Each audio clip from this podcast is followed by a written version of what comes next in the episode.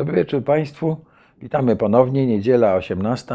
Mam nadzieję, że Państwo siedzą sobie z, z kawą, żeby nas e, dobrze słuchać. I jak zwykle e, Jerzy Marek Nowakowski, Stowarzyszenie Euroatlantyckie. Piotr Szczepański, Fundacja Wspomagania Wsi. Proszę Państwa, dzisiaj będzie trzecia część e, wykładu o polskiej polityce wschodniej w ostatnim trzydziestoleciu.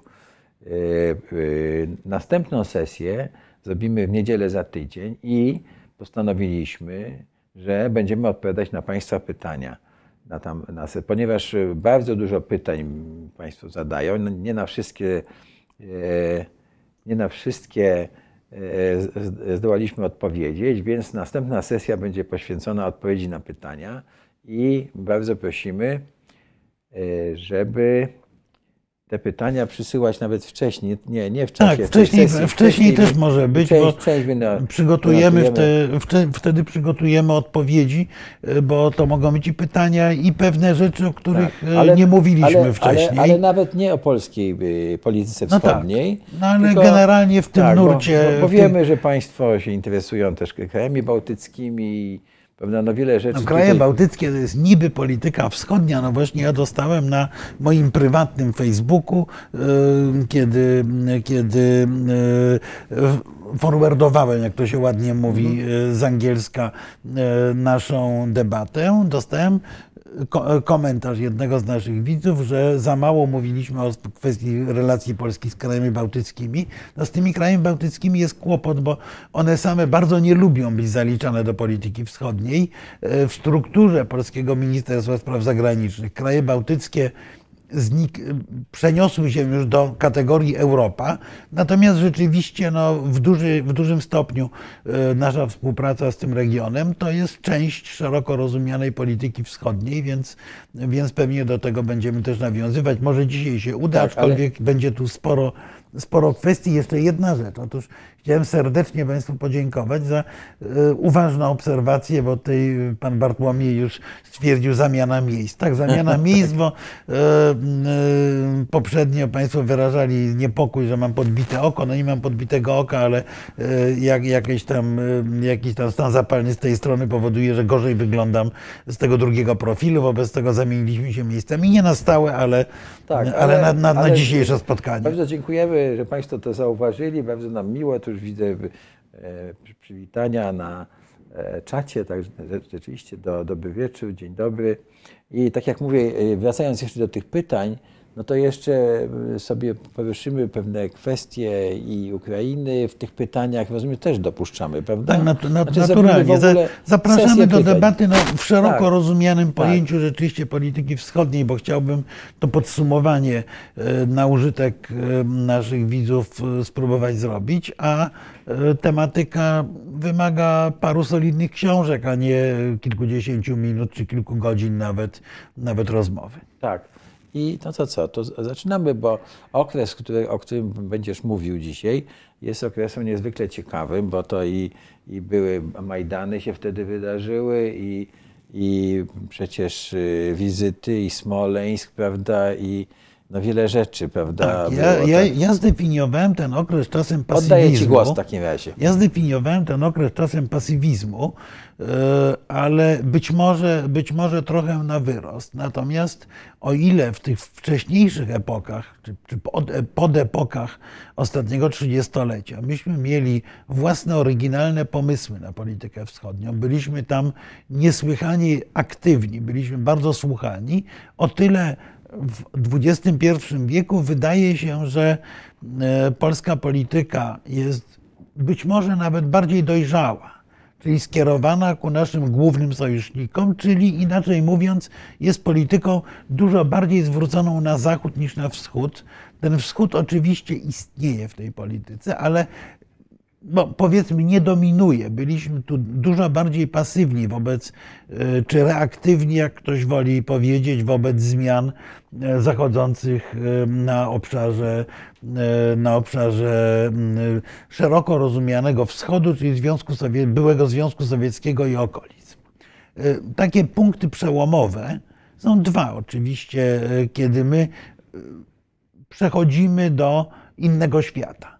To jest rok 1999, czyli wstąpienie Polski do NATO. Moment absolutnie przełomowy. Jest, zarzucamy kotwicę w świecie zachodnim i wydaje się, że i wydaje się, że w tym świecie zachodnim już jesteśmy na trwałe osadzeni. A ostateczna, ostatecznie ta zmiana następuje w roku 2004, kiedy Polska wchodzi do Unii Europejskiej, czyli nie tylko staje się częścią pewnego wspólnego organizmu gospodarczego, coraz bardziej również politycznego i prawnego, ale także na naszej wschodniej granicy pojawia się granica dużo twardsza i dużo szczelniejsza niż do tej pory. Warto o tym pamiętać, bo my stajemy się wschodnią rubieżą Unii Europejskiej, czyli nasza granica to jest granica celna Europy. Potem wchodzimy do Schengen, wobec tego jeszcze też zaczynamy zaostrzać kontrole graniczne, to nawet z praktyki dyplomatycznej e, widać, jak głęboka jest to zmiana, no bo nasze konsulaty w krajach byłego Związku Sowieckiego przyznają wizy Wcześniej z wieloma krajami mamy ruch bezwizowy, proszę pamiętać. Wejście do Unii yy, wymusza w istocie wprowadzenie ruchu wizowego ze wszystkimi partnerami na wschodzie. I yy, te wizy wydajemy jako wizy szangeńskie.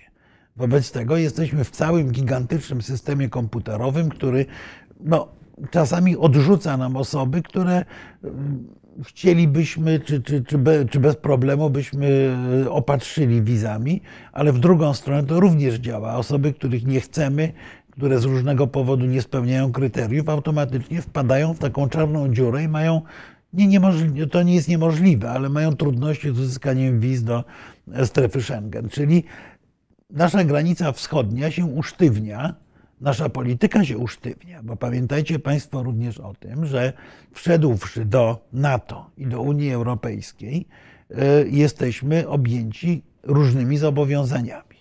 Zobowiązaniami wynikającymi na przykład z traktatów.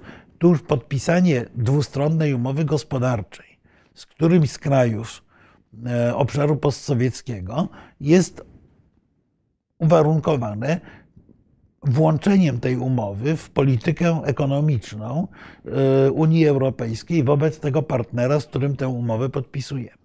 Y, mamy y, generalnie do tej pory zresztą mnóstwo postsowieckiej broni w naszej armii. No, też współpraca, remonty, kupowanie części zaczyna być coraz trudniejsze, no bo nasze nawet migi czy nasze czołgi e, pochodzące jeszcze z epoki sowieckiej jednak otrzymują całą elektronikę, oprzyrządowanie zachodnie. Wobec tego, jak pojawił się w pewnym momencie pomysł, żeby wysłać polskie migi do zwyczajowego przeglądu na teren Rosji, to, to w tym momencie zadzwonił dzwonek alarmowy, halo, hola. Nic takiego, bo mają już systemy swój obcy natowskie, mają e, natowską elektronikę i wobec tego nie możemy ich wywozić na obszar e, poza NATO, na obszar, który NATO zawsze w mniejszym czy większym stopniu, to będzie zresztą jeden z elementów naszej dalszej rozmowy, traktowała jako obszar, z którego płynie dla niego istotne zagrożenie. Więc wejście do NATO i do Unii Europejskiej dla nas jest ogromnym sukcesem, ale jednocześnie to nam usztywnia naszą granicę wschodnią i obniża poziom naszej samodzielności i kreatywności e, i kreatywności e, wobec partnerów na wschodzie. Dlatego można powiedzieć, że była to polityka dużo bardziej pasywna, co nie znaczy, że w tej epoce pasywizmu, jak ja ją nazywam, od powiedzmy umownie od początku XXI wieku, że nic się nie działo. Przeciwnie, działo się bardzo dużo.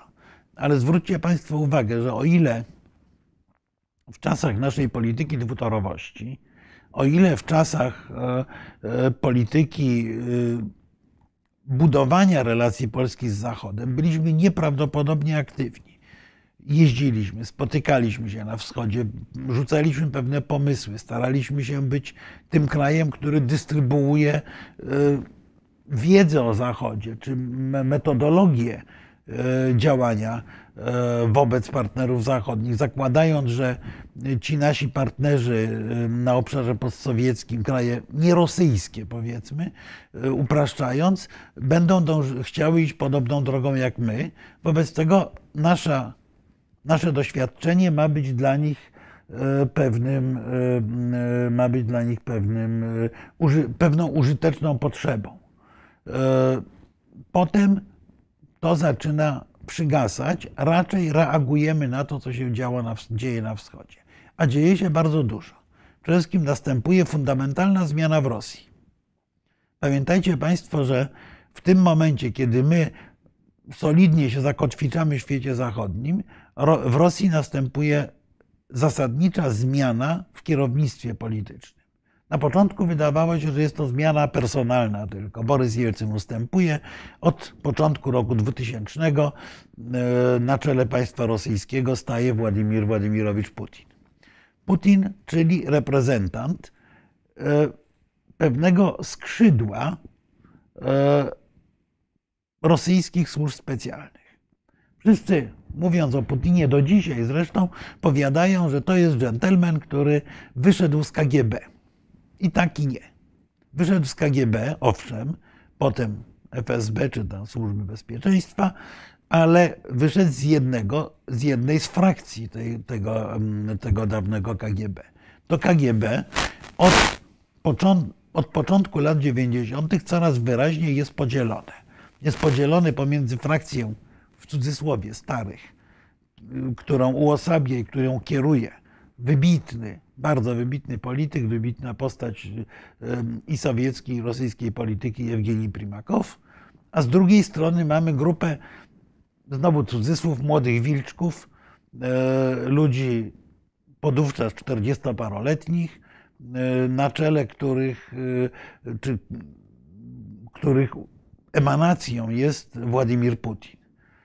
I ta grupa młodych kagiebistów, która przychodzi do władzy z pomysłem na pewną reformę państwa rosyjskiego, e, na upodobnienie go gospodarczo do Zachodu, ale gospodarczo, bo e, kagiebiści od początku myślą o usztywnieniu władzy.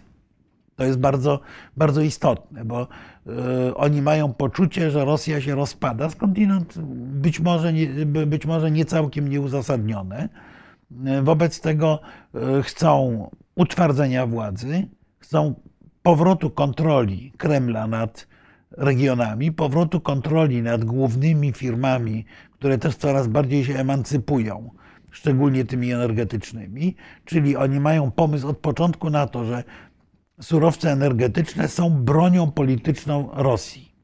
I wreszcie mają pomysł na modernizację. Przychodzą do władzy, próbują różnych metod dialogu, ale dialogu coraz twardszego z Zachodem. Oczekują, oczekuje tego Putin, oczekuje tego jego otoczenie, bardzo partnerskich relacji. Tymczasem rok, ten umowny rok 2000, czy w przybliżeniu rok 2000, to jest czas, w którym no, mamy apogeum e, świata jednobiegunowego. Świata, w którym wydaje się, że jest jedno supermocarstwo amerykańskie, które generalnie pilnuje porządku, ładu i zmian na świecie. E, Powiada się, że jest koniec historii. Tym końcem historii, jak się okazuje, w tej, wszyscy z tego kpią w tej chwili, ale rzeczywiście taka wiara, że e, ten model liberalno-demokratyczny, jejku, mamy już całą listę pytań, tak jak patrzę na nasz czat, E, ale Tak, tak, tak, tak, ale, ale widzę że rzeczywiście kilka osób, no, poza radą, żebym rzucił papierosy, e, staram się ograniczać, e, to, to No tu mamy pana Łukasza, serię, którego chyba usuniemy, mamy bo to, całą serię pytań. to nie jest ani komentarz, ani pytanie, a taki Znaczy na pytanie, co za bzdury, ale, ale jakie to są, czym są te bzdury, jak pan doprecyzuje, to będę, będę się tłumaczył. Tak. Na razie, na razie mówimy o, o tym, w jakiej znaleźliśmy się sytuacji. Polska musi przede wszystkim e, uporządkować swoją obecność na Zachodzie. To jest kosztowne, to jest męczące, to jest, proszę Państwa, również zadanie, którego my się nie bardzo logistycznie potrafimy e, wywiązywać, ponieważ to jest dla nas sytuacja zupełnie nowa. To po pierwsze.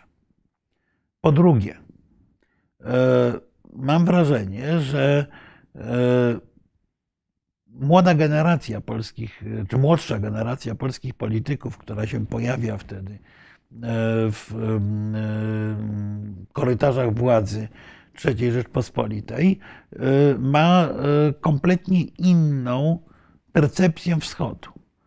Ci ludzie najczęściej już to pokolenie albo nie mówi, albo bardzo słabo mówi po rosyjsku, nie kojarzy bardzo wielu delikatności polityki postsowieckiej i tak dalej, i tak jest wpatrzony ewidentnie w Zachód. To zresztą było widoczne znowu w strukturze Ministerstwa Spraw Zagranicznych, kiedy bardzo trudno było znaleźć pracowników, którzy pojadą na wschód. Szczególnie wśród młodych, bo po pierwsze nie chcieli, bo uważali, że to jest paskudne, nieatrakcyjne, gorzej się żyje i tak. Po drugie, bardzo często nie znali języka najzwyczajniej w świecie. Tej chwili zresztą znajomość języka rosyjskiego, jak się zdaje, jest w polskiej dyplomacji rzadkością, a nie normą, która, co, co było jeszcze 20 lat temu, 20 lat temu absolutnie normalne, no bo nasze pokolenie chodziło do szkoły, w której uczyli rosyjskiego przymusowo. Choćby, choćby na tym minimalnym poziomie ten, ten język jednak, jednak posiedliśmy. Więc brakuje entuzjazmu do zajmowania się wschodem i brakuje nowych pomysłów. Wydaje się, że rzeczywiście od tego wschodu się oddalamy, a z drugiej strony w polskim myśleniu politycznym cały czas bardzo silnie obecna jest ta, ten model Giedroycia, czyli Polski, która w sposób aktywny oddziaływuje na obszar tak zwanego ULB, czyli swojego bezpośredniego wschodniego sąsiedztwa. I mamy wreszcie coraz bardziej ofensywną politykę rosyjską. Coraz bardziej ofensywną politykę rosyjską właśnie dlatego, że to środowisko Putina po pierwsze stara się dbać o to, żeby Rosja odzyskała pozycję mocarstwową. Po drugie, to środowisko dba o to, żeby przeciwdziałać tendencjom odśrodkowym w Rosji. To jest szalenie istotna sprawa. Po trzecie, to środowisko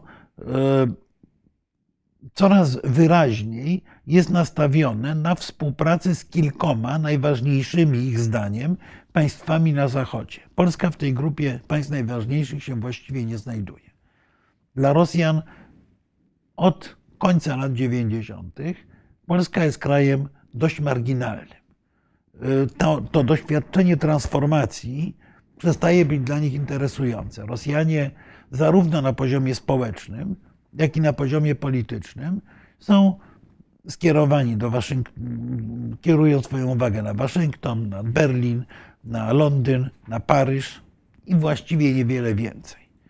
Także tracimy tę pionierską rolę kraju, który wprowadził transformację, który doprowadził do końca komunizmu i tak dalej, i tak dalej, na rzecz niedużego państwa, które sprawia czasami kłopoty, czasami bywa przydatne.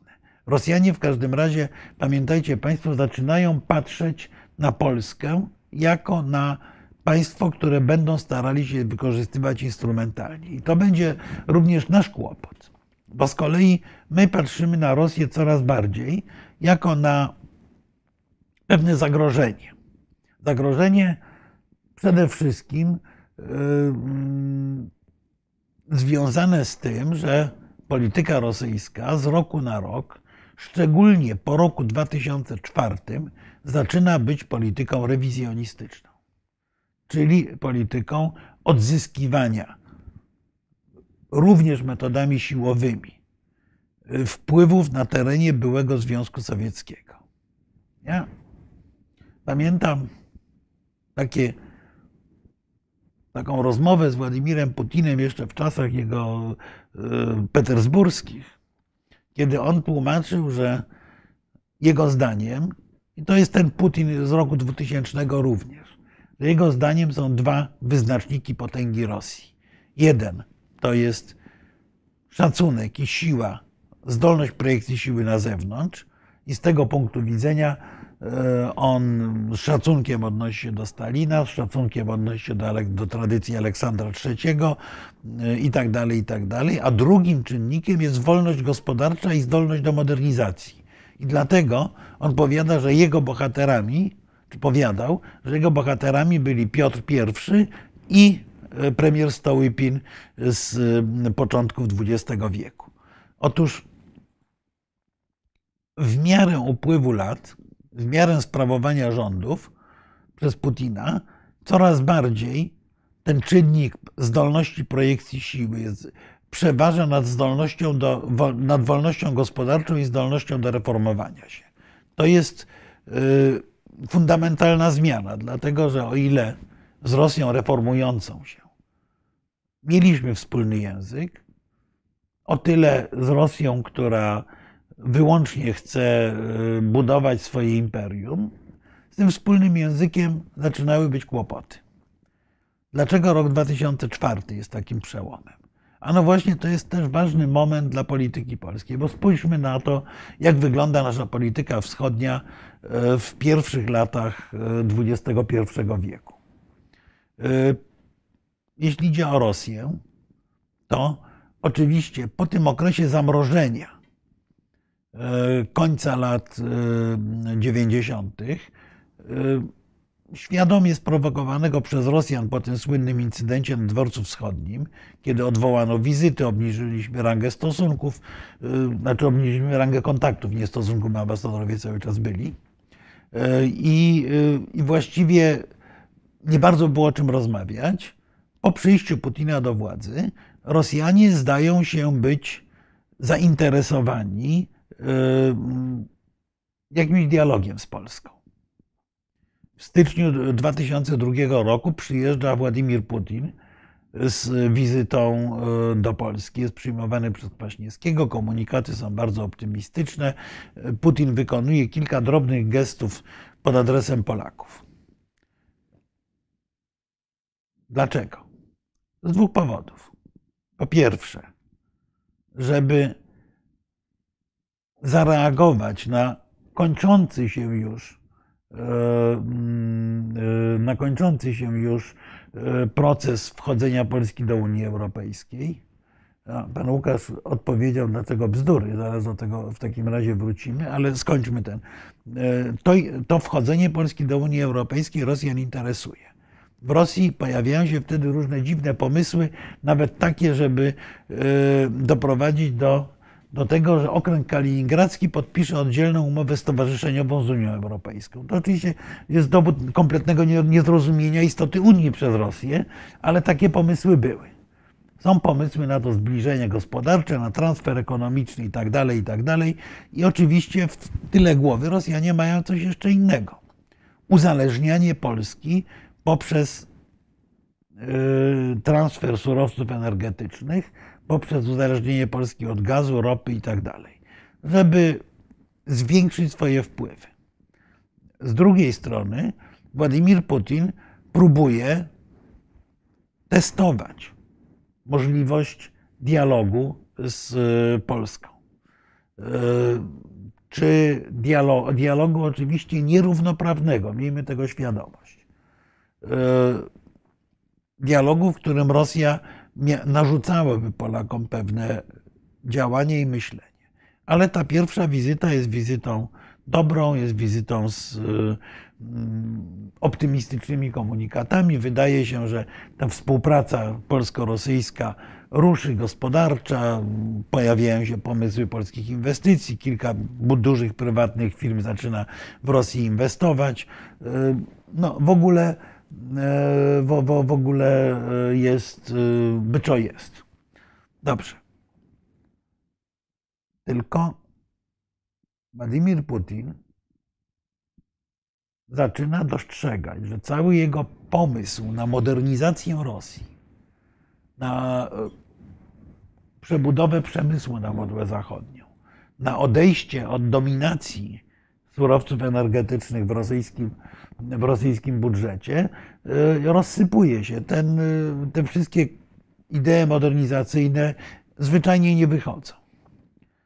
A z drugiej strony zaczynają się kłopoty z państwami e, postsowieckimi. Takim momentem przełomowym staje się koniec roku 2004, kiedy to na Ukrainie odbywają się wybory. Wybory, które prorosyjska partia regionów ówczesna ewidentnie fałszuje. Ówczesny premier Wiktor Janukowycz zostaje rzekomo wybrany na prezydenta i na Ukrainie wybucha gigantyczna fala protestów, nazwana potem pomarańczową rewolucją. Pomarańczową rewolucją, którą ja żartuję, ale nie do końca, wygrały telewizje. Dlatego, że w sensie politycznym była zgoda co do tego, że przymykamy oko, my, czyli Zachód, przymykamy oko, uznajemy, pamiętajmy, my już jesteśmy wtedy jednym z krajów unijnych. E, przymykamy oko, uznajemy, że e, mm, trudno te wybory jakoś, jakoś przeszły. Prezydentem jest Janukowycz. Takie były zakulisowe ustalenia polityków. Tylko telewizje zostawiły kamery na Majdanie Kijowskim. I te, te, te kamery na Majdanie e, Kijowskim pokazują autentyczną, prawdziwą, ludową rewolucję. E, rewolucję ludzi, którzy chcą, upominają się o swoje prawa. I pod naciskiem obywateli, to będziemy zresztą obserwowali również teraz przy obecnej wojnie.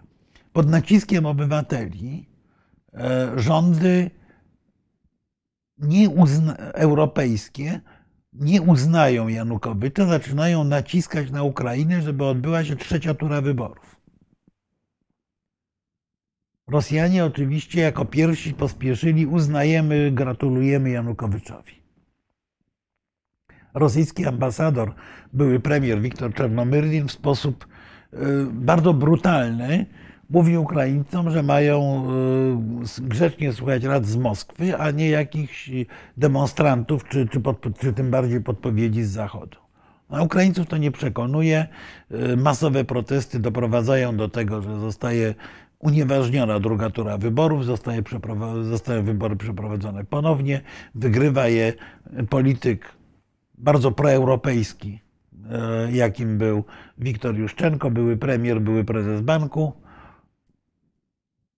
Czyli na Ukrainie odbywa się rewolucja.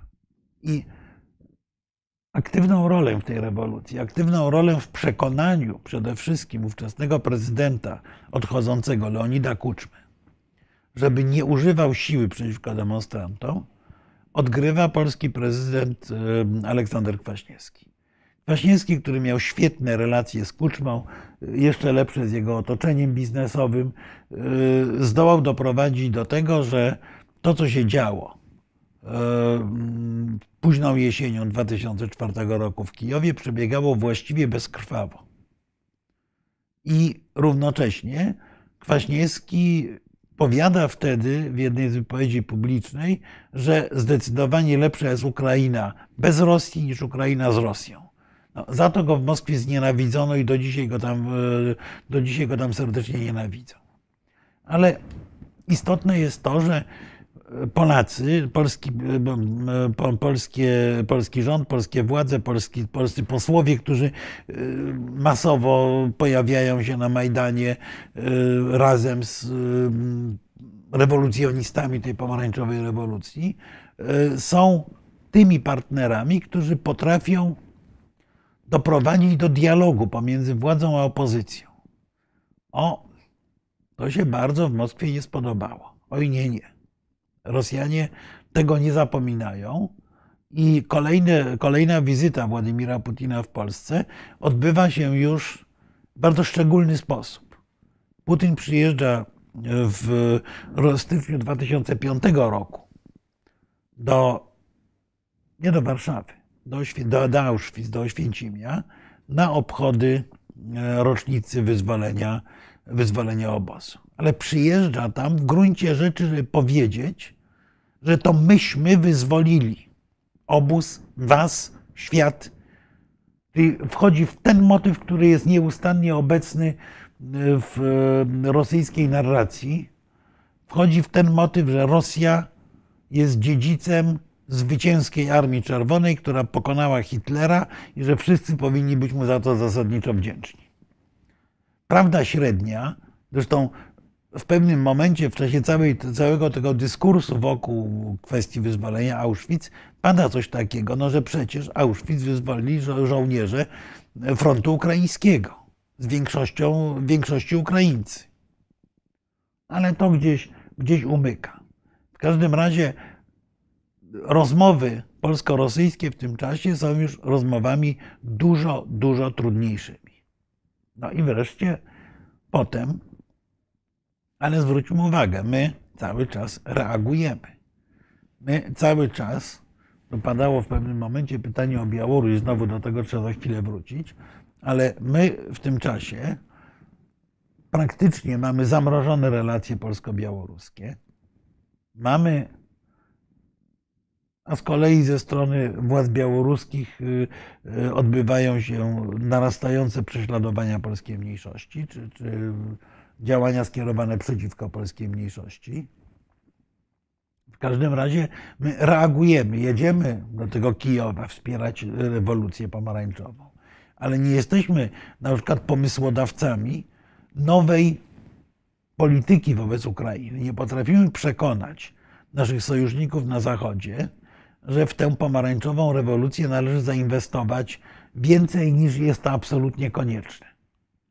Nie potrafimy stworzyć dla Ukrainy, dla Białorusi jakiejś wizji przyszłości. I w tym momencie zaczyna się taka fala powrotna.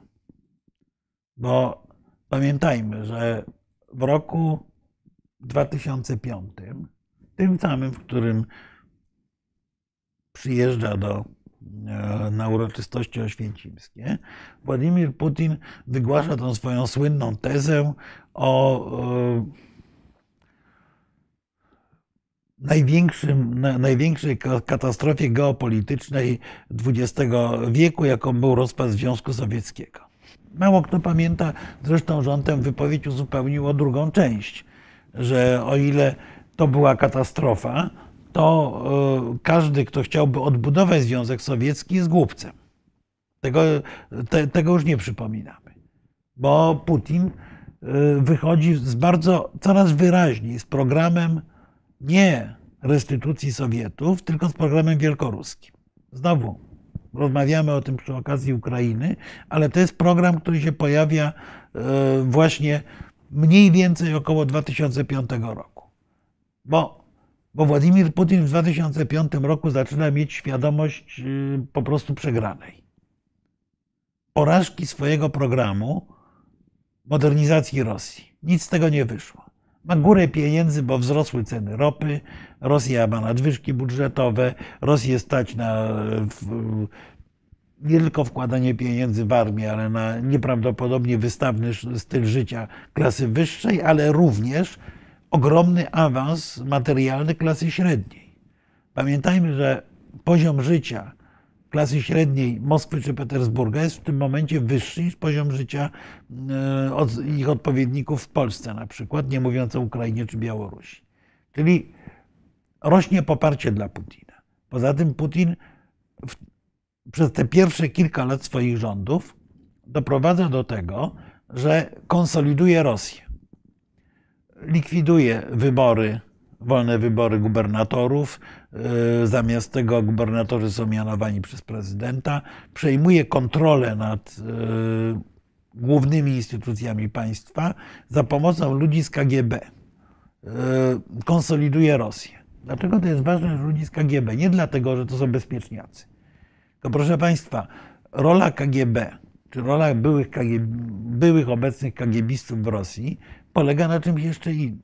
Otóż zwróćcie Państwo uwagę, że w gruncie rzeczy nie ma instytucji spajającej całą Rosję, instytucji ogólnorosyjskiej.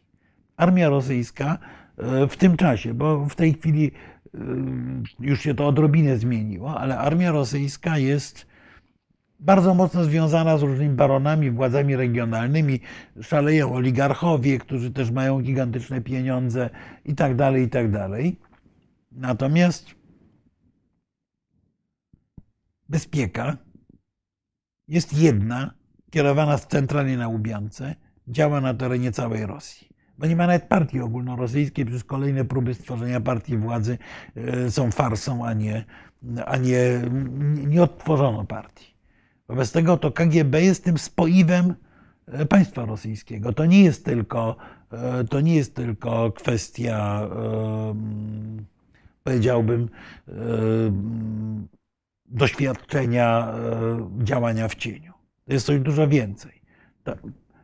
De facto bezpieka przejęła rolę partii komunistycznej, tego spoiwa e, całego państwa i dlatego odgrywa taką rolę. No w każdym razie udaje mu się tę Rosję posklejać, zerwać te wszystkie, zerwać te wszystkie e, odśrodkowe, e, odśrodkowe tendencje, podnieść dobrobyt obywateli. To jest moment jego ogromnego sukcesu, ale jednocześnie ma świadomość, że główną grę przegrał. Że Rosja nie stworzyła nowoczesnego przemysłu, nie jest konkurencyjna na rynku światowym, nie jest konkurencyjna na rynku idei. Okazuje się, że jedynym narzędziem, jakim może się posługiwać Federacja Rosyjska, jest cały czas siła. To, że może szantażować świat sprzedażą bądź niesprzedawaniem surowców, raz, a dwa, posiadaniem armii i broni atomowej. To są te dwa czynniki, które, które wpływają na to ogromne znaczenie Rosji. I nagle, nagle zaczyna się pojawiać inny Putin. Nie ten, który próbuje śladem Piotra I czy Stołypina być tym twórcą nowoczesnej Rosji, tylko Putin, który jest przywódcą nowego imperium. Takim czytelnym sygnałem staje się wystąpienie na konferencji bezpieczeństwa w Monachium e, w roku 2007, w lutym, czyli nieco ponad 15 lat temu. Kiedy Władimir Putin w swoim przemówieniu kwestionuje amerykańskie przywództwo światowe, zgłasza akces Rosji do e, bycia mocarstwem i żąda przebudowy architektury politycznej, architektury bezpieczeństwa Europy, tak żeby znaczenie Rosji i potrzeby, cele Rosji były e, dużo mocniej e, uwzględniane. Potem mamy, pamiętajmy, to jest ten moment po objęciu po pomarańczowej rewolucji jest to moment niebywałego zachodniego entuzjazmu ukra- proukraińskiego. Szczególnie w Stanach Zjednoczonych. Stany Zjednoczone są e, zdeterminowane, żeby zaoferować Ukraińcom członkostwo w NATO.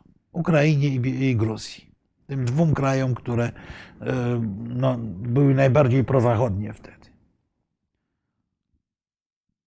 prace natowskie nad przygotowaniem NATO do rozszerzenia na Ukrainę i Gruzję idą całkiem solidnie.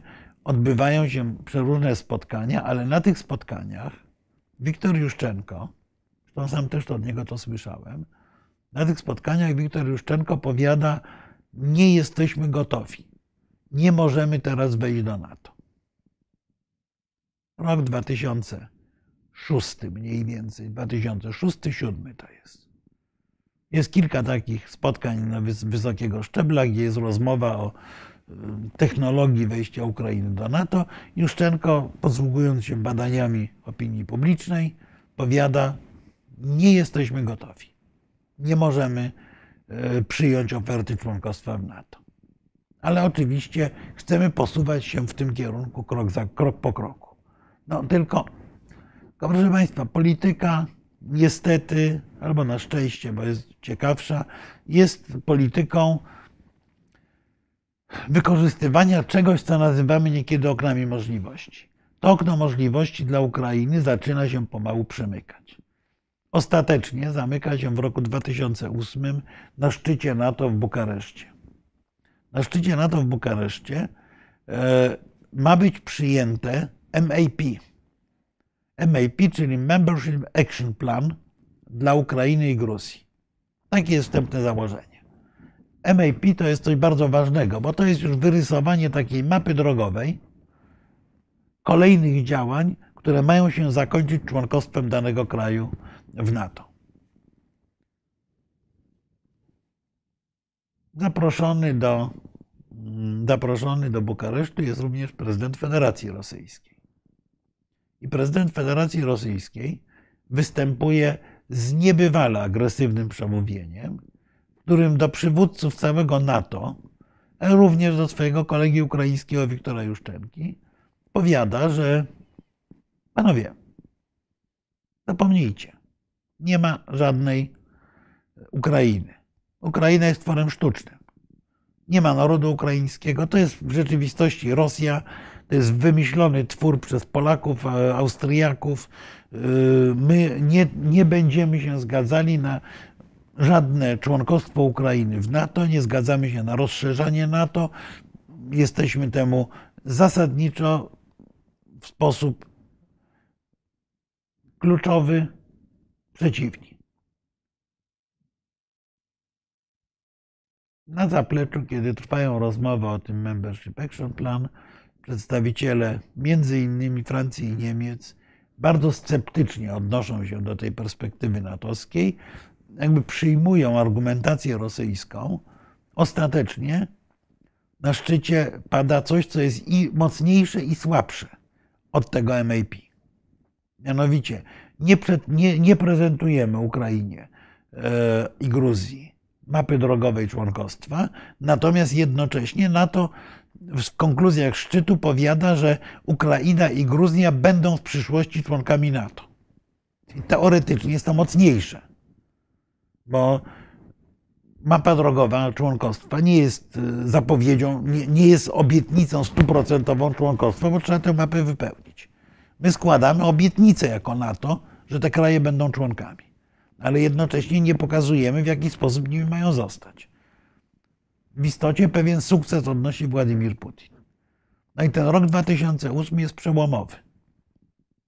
Jest przełomowy, ponieważ w roku 2008, żeby obietnice natowskie ostatecznie uznać za niebyłe, Rosjanie doprowadzają do konfliktu z Gruzją, doprowadzają do secesji dwóch niedużych regionów gruzińskich, Abchazji i Osetii Południowej. E, oczywiście ta secesja jest możliwa wyłącznie pod parasolem armii rosyjskiej.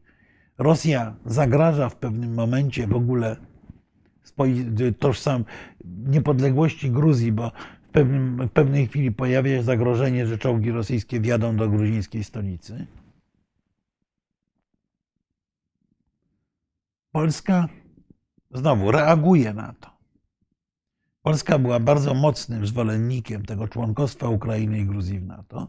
Na atak na Gruzję reaguje prezydent Lech Kaczyński razem z prezydentami regionu, ale niestety tylko regionu, a nie zachodniej Europy. Udaje się do Tbilisi, wygłasza płomienne przemówienie na prospekcie Rustavellego w centrum, w centrum Tbilisi. E, osobista obecność kilku mężów stanu niewątpliwie też jest pewnym, pewnym sygnałem, że no, atak na, E, atak na, na stolicę Gruzji będzie wejściem w konflikt przynajmniej z tą grupą krajów, jednocześnie sprawujący wówczas prezydencję w Unii Europejskiej Francuzi y, próbują na, na zapleczu w osobie prezydenta Sarkoziego dogadać się z Rosjanami. Powstrzymać marsz kolumn rosyjskich. Ale to dogadanie oczywiście jest dogadaniem za pewną cenę, czyli za e, de facto rezygnację Gruzji z członkostwa w NATO.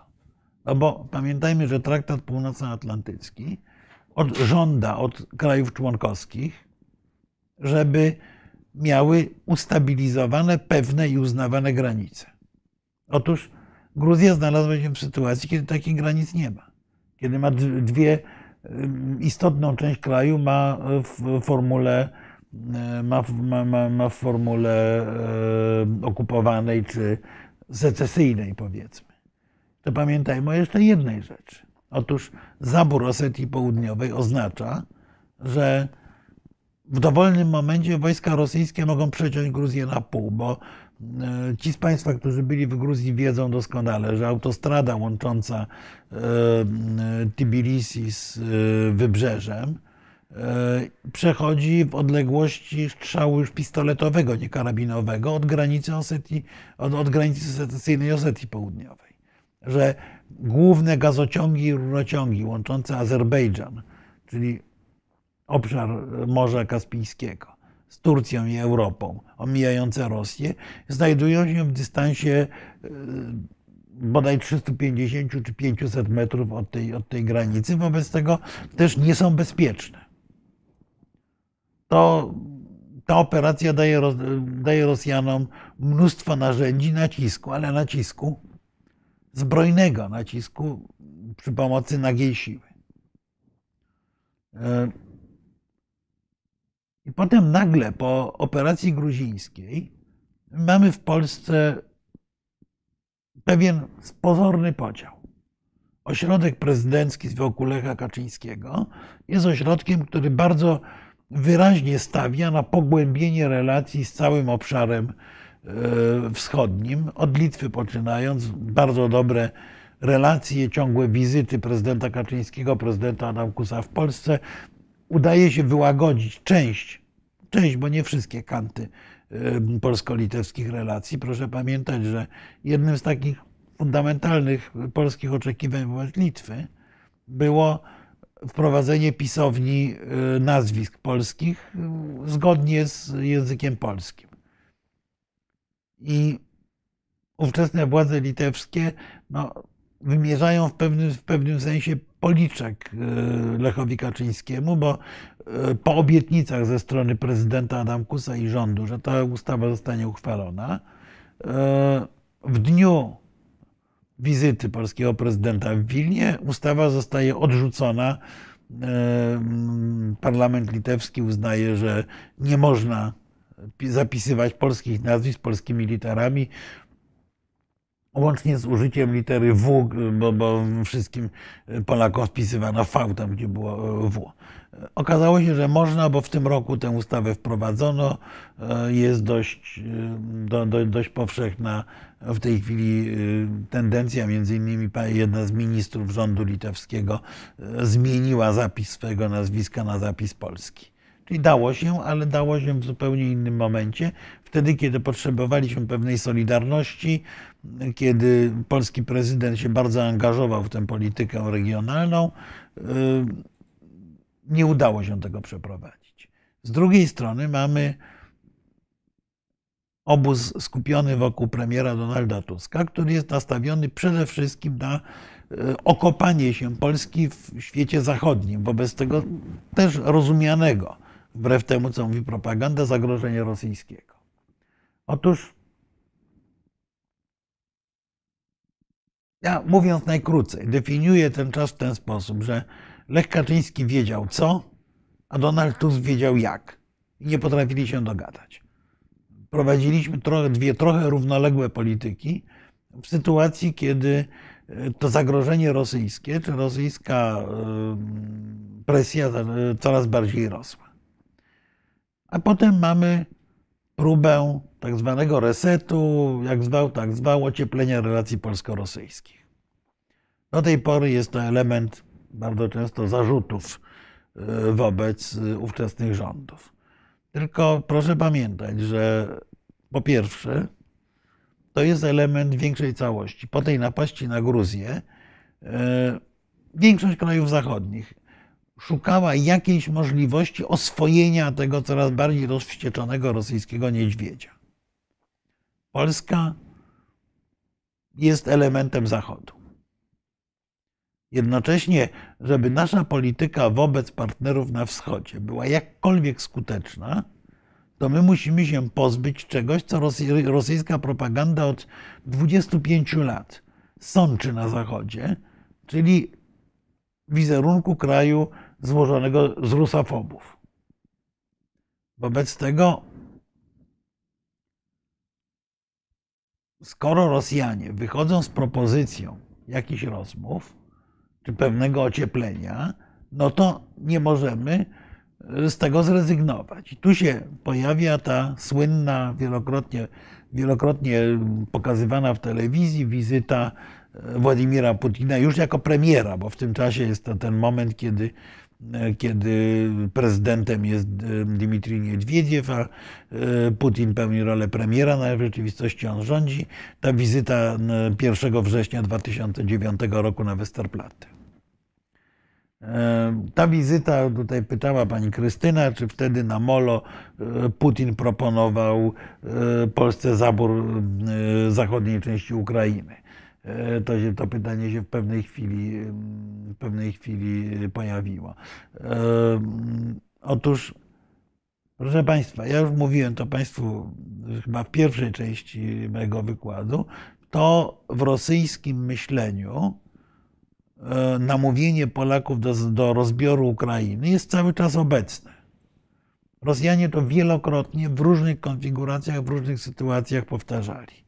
Nie jest ważne, co mówili, czy, czy mówili to na molo, bo to było wiadomo, że taka propozycja rosyjska, czy taki pomysł rosyjski, niekoniecznie superoficjalnie stawiany, ale pojawiał się. Na szczęście nikt z polskich władz nigdy tego nie potraktował poważnie. Ale ważniejsze było coś innego. Ważniejsze było agresywny ton e, przemówienia e, premiera Putina w Gdańsku, czy na Westerplatte, znowu powracający do tego, że Rosja nie ponosi winy za II wojnę światową, czy Związek Sowiecki, a wręcz przeciwnie, jest tym, jest tym dobrym który y, zabiegał o y, zabiegał cały czas o pokój, wolność i tak dalej. Ten motyw, który jest klasycznym motywem rosyjskiej propagandy od, od wielu lat. To przemówienie jest y, Putina jest przemówieniem konfrontacyjnym, a nie przemówieniem koncyliacyjnym, mimo że w rosyjskim pomyśle na politykę w tym czasie ma, ma się odbyć ocieplenie w relacjach z Polską. Dlaczego? Ano dlatego, że Polska w 2011 roku obejmowała prezydencję w Unii Europejskiej. I Rosjanie bardzo nie chcieli, żebyśmy psuli ich, im ich e, różne pomysły na dogadywanie się z Niemcami, e, z, e, w ogóle z Unią Europejską tylko żeby Polska przynajmniej nie przeszkadzała. No ale w kwietniu 2010 roku wydarza się rzecz w europejskiej y, polityce właściwie niebywała. Katastrofa w Smoleńsku, w której ginie prezydent Rzeczpospolitej, w której ginie ogromna część elity politycznej Polski, w której ginie całe dowództwo polskiej armii. I teraz jest pytanie. Nie chcę mówić o Smoleńsku jako o pewnym wydarzeniu politycznym, które ukształtowało jakoś tam polską, polską rzeczywistość polityczną ostatnich lat. Natomiast w kategoriach międzynarodowych Rosjanie na katastrofę reagują na poziomie politycznym teoretycznie bardzo dobrze. Mamy natychmiast kondolencje, pojawia się e, e, Władimir Putin w Smoleńsku, spotyka się tam z Donaldem Tuskiem. E, Wszyscy wyrażają najgłębsze współczucie. Wszyscy deklarują, że śledztwo precyzyjnie pokaże, jak, jak, jak ta katastrofa przebiegła i tak dalej, i tak dalej. A z drugiej strony to wydarzenie e, jakoś zdeterminuje relacje polsko-rosyjskie na następne lata. Te pierwsze gesty Rosjan, łącznie z tym, pamiętajcie Państwo, że e, w Rosji na pierwszej, w pierwszym programie telewizji rosyjskiej jest pokazany wtedy film Wajdy o Katyniu. Dla Rosjan jest to szok.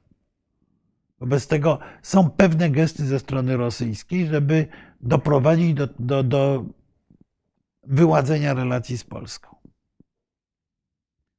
Jak mówię, to jest element tego większego programu, który y, w jakiś sposób ma osłabić polski krytycyzm wobec Rosji w perspektywie y, polskiej prezydencji w Unii Europejskiej. I nic więcej. Pamiętajmy o tym, że to jest tak naprawdę moment, w którym Rosjanie cały czas traktują nas wyłącznie instrumentalnie. My im przeszkadzamy. Przeszkadzamy im na Ukrainie, przeszkadzamy im w Gruzji, przeszkadzamy im próbując jakoś oddziaływać na Łukaszenkowską Białoruś. Przeszkadzamy im, bo w tym samym czasie proszę pamiętać, że rozmawiamy z Armenią, rozmawiamy z Azerbejdżanem, e, próbujemy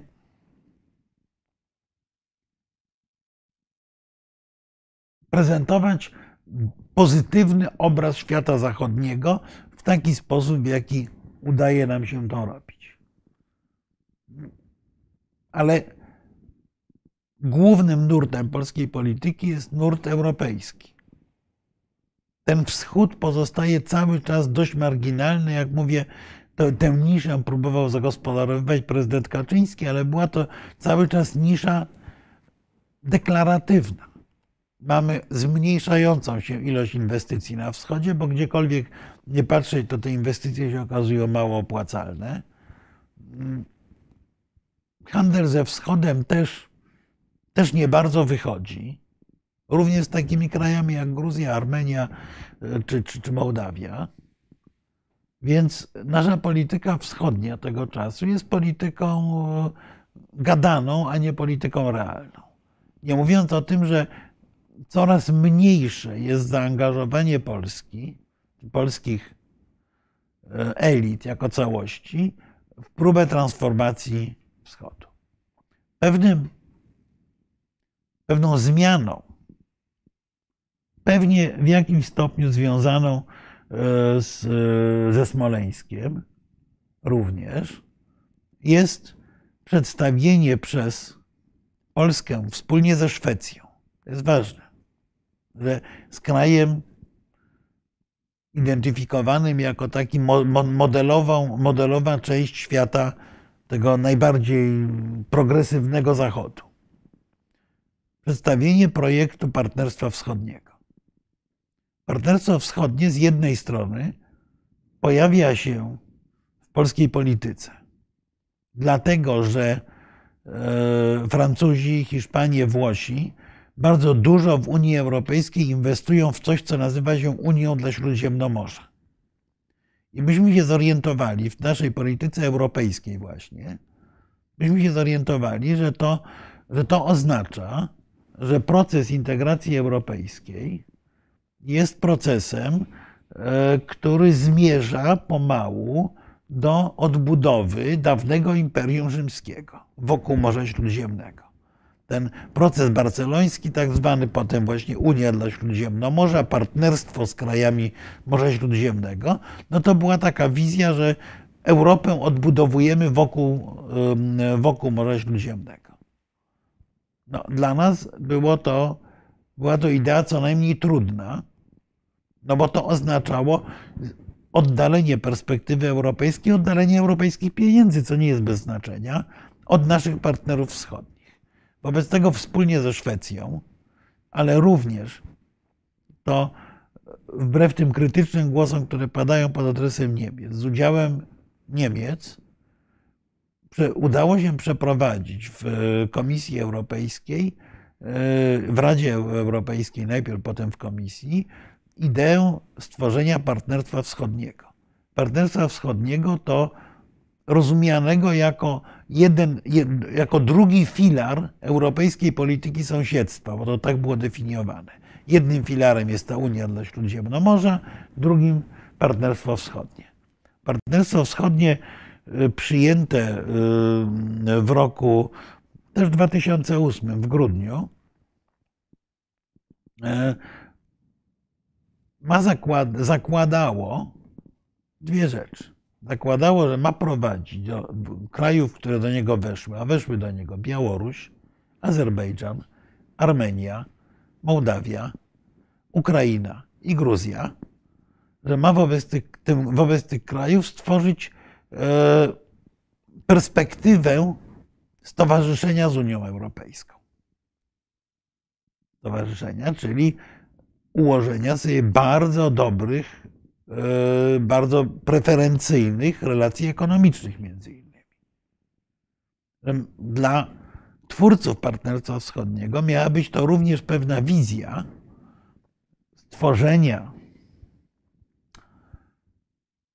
jakiejś ścieżki zbliżenia, być może członkostwa w Unii Europejskiej i ścieżki z punktu widzenia polskiej gospodarki bardzo ważnej. Ścieżki pewnej harmonizacji norm i zasad uprawiania polityki gospodarczej pomiędzy tymi krajami a Unią Europejską. Wreszcie miało to oznaczać również istotny transfer europejskich pieniędzy do tych krajów w ramach e, programów pomocowych. Na początku, e, na początku komisja przyjęła, że to będzie kilkaset milionów euro, potem to, to były sumy, e, sumy już liczone, liczone w, miliardach, w miliardach euro przeznaczonych na Partnerstwo Wschodnie. Partnerstwo Wschodnie również powoływało różne instytucje. Na przykład Euronest, do tej pory działający, czyli takie zgromadzenie parlamentarne krajów, e, mm, krajów partnerskich i parlamentarzystów Unii Europejskiej, który ten Euronest się spotykał co roku. E, no i miała to być miękka wersja zbliżenia krajów E, obszaru postsowieckiego do świata zachodniego, mniej prowokacyjna z punktu widzenia Rosji niż członkostwo w NATO. Grudzień 2008 rok.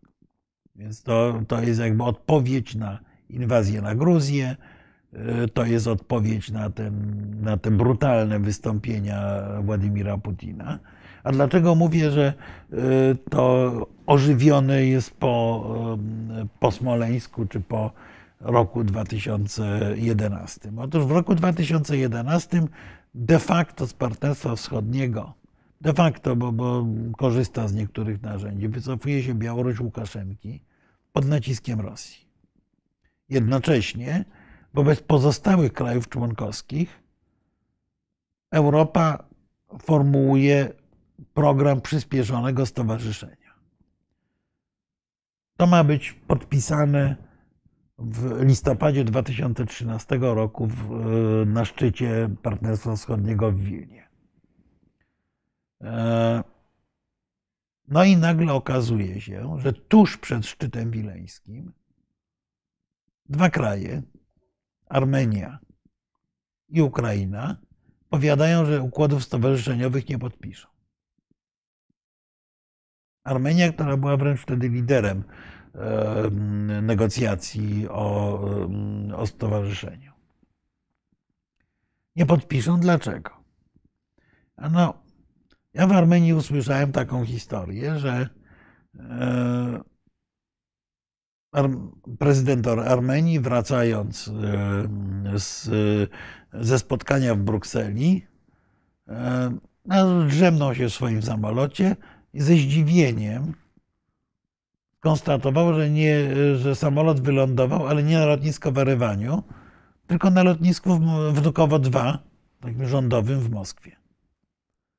I tam usłyszał, że no, samo, samo ściągnięcie samolotu prezydenckiego wbrew, wbrew planowi czy, czy woli decyzjom prezydenta do Moskwy już było dziwne, ale tam prezydent Armenii usłyszał, żeby w ogóle zapomniał o stowarzyszeniu z Unią Europejską, ponieważ Rosja wtedy odmawia gwarancji bezpieczeństwa dla Armenii, która jest, była w konflikcie z Turcją, w głębokim konflikcie z Azerbejdżanem o Górski Karabach i tak dalej, i tak dalej. W każdym razie był to już taki najbardziej brutalny szantaż, jaki sobie można, jaki sobie można wyobrazić. No trochę, trochę to przypominało rozmowy z prezydentem Hachą czechosłowackim ze strony, ze strony Hitlera prawda? W tym samym czasie głęboko prorosyjski prezydent Ukrainy Janukowycz, również pod naciskiem Moskwy, odmawia też podpisania układu stowarzyszeniowego. No, pozostałe kraje te dokumenty podpisują. Ale też na przykład w Mołdawii obecnie aresztowany prezydent Dodon stara się ten układ jak najbardziej, jak najbardziej rozmiękczyć i tak dalej, i tak dalej. Wreszcie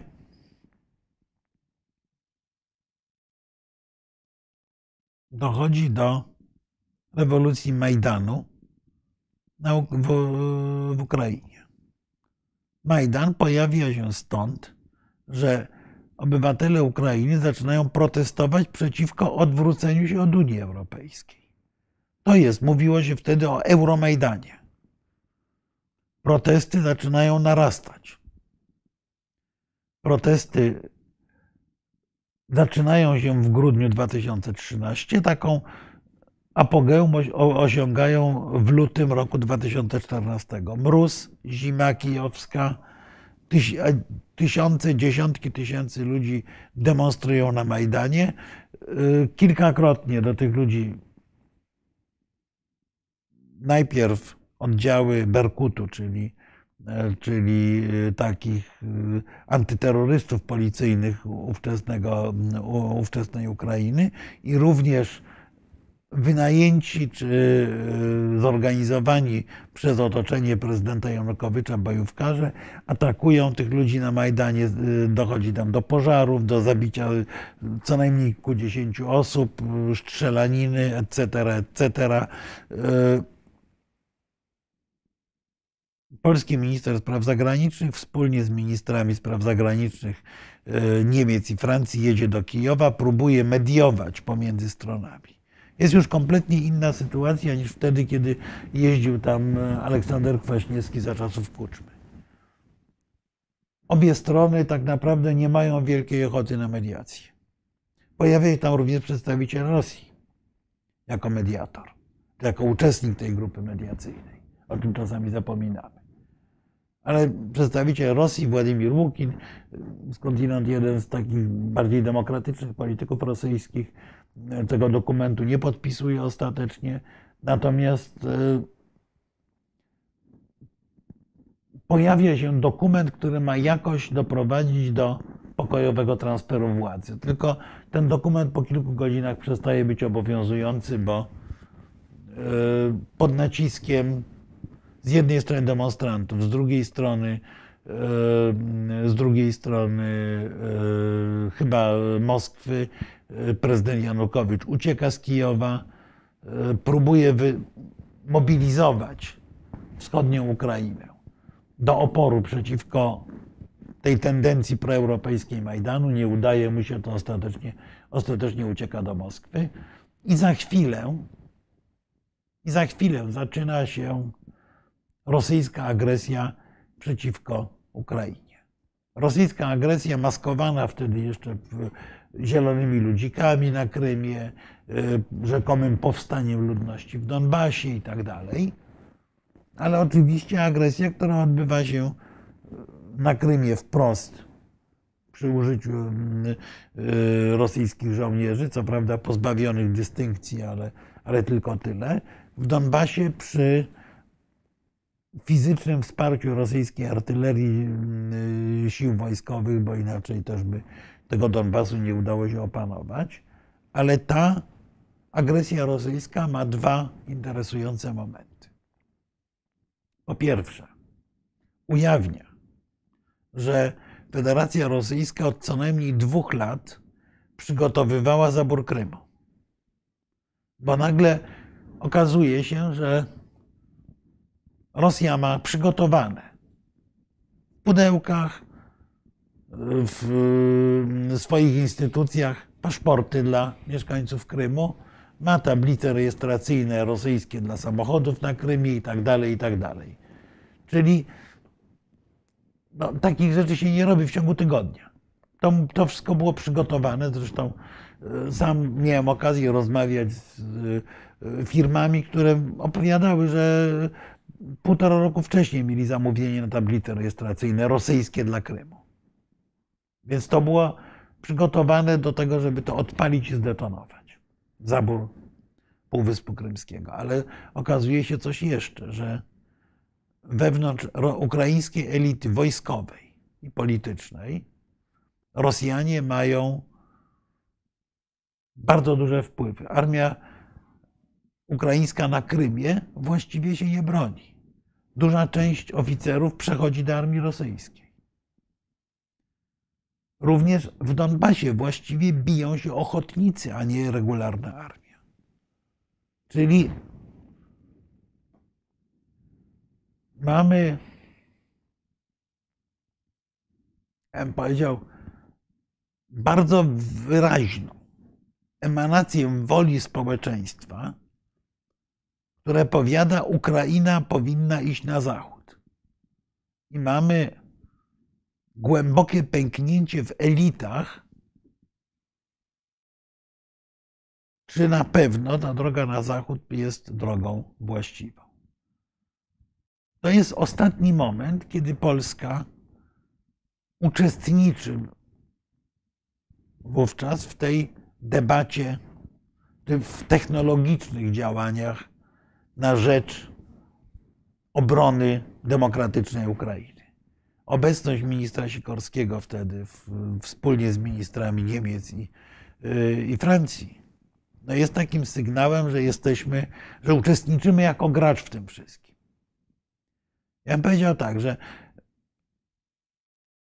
paradoksalnie okazało się, że projekt Partnerstwa Wschodniego, który był projektem początkowo dość słabym i głównie obliczonym na e, właśnie pasywne działanie, właśnie na to, żeby odciągnąć uwagę Unii Europejskiej wyłącznie od, e, e, wyłącznie od południa, nagle okazało się, że ten projekt Partnerstwa Wschodniego zdetonował kluczowy konflikt zdetonował zmianę poglądów, zmianę zachowań obywateli i społeczeństwa ukraińskiego. Ale również przyspieszył samookreślanie się w innych krajach, bo następuje bardzo głęboka zmiana w Mołdawii, której my zwykle nie dostrzegamy, bo patrzymy na, na Ukrainę i nie zauważamy, że istnieje coś takiego jak Mołdawia.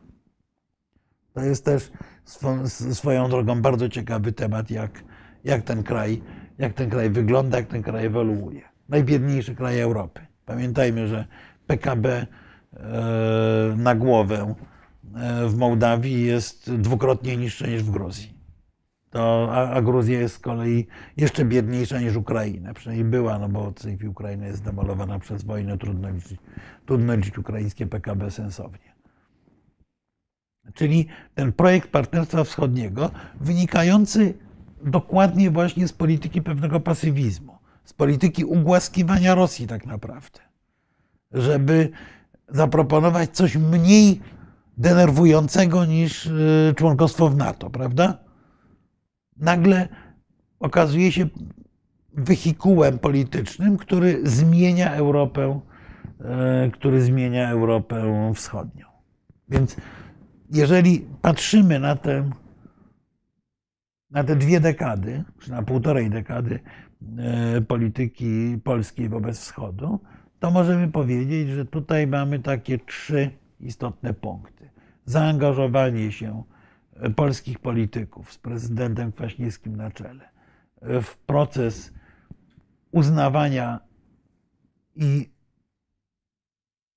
tonowania konfliktów wokół pomarańczowej rewolucji na Ukrainie. Potem mamy e, projekt, potem mamy tą nieszczęsną próbę resetu. Jak mówię, było to raczej była to raczej odpowiedź na, rosyjskie, na, na, na rosyjską próbę ugłaskania Polski czy, czy zneutralizowania Polski.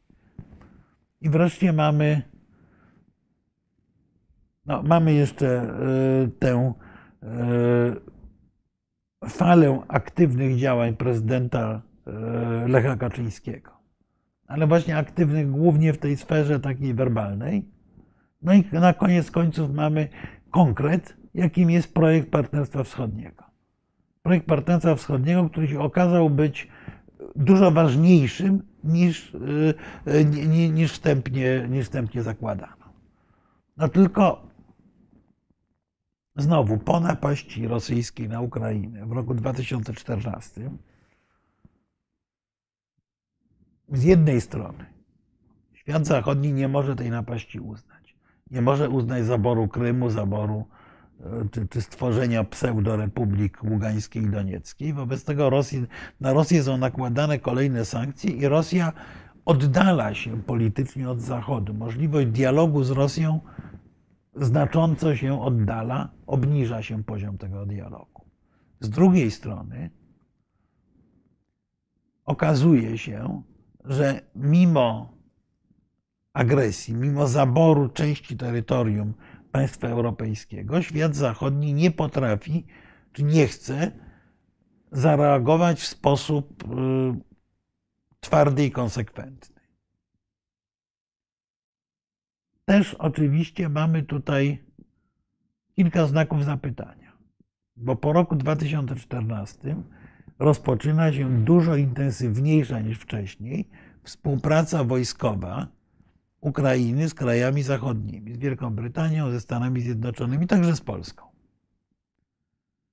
Dość masowo są szkoleni oficerowie e, ukraińscy. Ukraina otrzymuje pewien nowy model dowodzenia wojskami. To jest bardzo ważne, bo taktyka zachodnia okazuje się w zderzeniu ze taktyką rosyjską, wyrastającą z tradycji sowieckiej, okazuje się zwycięska nie tylko w tej chwili na Ukra w Ukrainie. Okazuje się zwycięska na przykład jeszcze, w sposób jeszcze bardziej wyraźny w wojnie w Górskim Karabachu. A wojna 2020 roku w Górskim Karabachu jest w istocie testem przed tą wojną, która toczy się teraz. Zderza się rosyjska taktyka i rosyjski sprzęt zaimplementowane w całości w Armenii z zachodnią taktyką i częściowo zachodnim sprzętem, którym będzie posługiwał się Azerbejdżan. No bo Turcja jest członkiem NATO i mimo wszystkich jej słabości, to Turcy y, wymyślili, w jaki sposób tę wojnę ma Azerbejdżan wygrać taktyka zachodnia, taktyka działania grup batalionowych, a nawet mniejszych, y, y, samodzielnie dowodzonych, okazała się być w Karabachu taktyką zwycięską. Podobnie jak głównym narzędziem sukcesu okazało się uzbrojenie tureckie i izraelskie używane przez Azerów. Więc był to pewien sygnał przed tą wojną, która toczy się w tej chwili w Ukrainie. Tylko Polski w tej grze nie ma. Polska po napaści rosyjskiej na Ukrainę w 2014 roku próbuje się podłączyć do formatu normandzkiego. Na szczęście chyba w sumie yy, się nie podłączyła. i właściwie nic więcej się nie dzieje. Są jakieś drobne próby w okresie rządu PiSu podjęcia dialogu z Aleksandrem Łukaszenką. No dobrze, że ten dialog próbowano podjąć, tylko było to już trochę późno.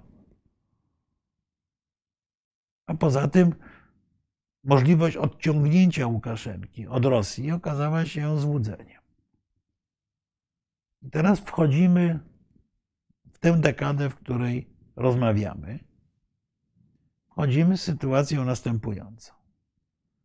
Narastające konflikty na wschodzie, narastające znaczenie e, siły zbrojnej w rozwiązywaniu jakichkolwiek problemów, po wyborach i brutalnym stłumieniu protestów obywatelskich, właściwie z pola dialogu całkowicie wypada Białoruś.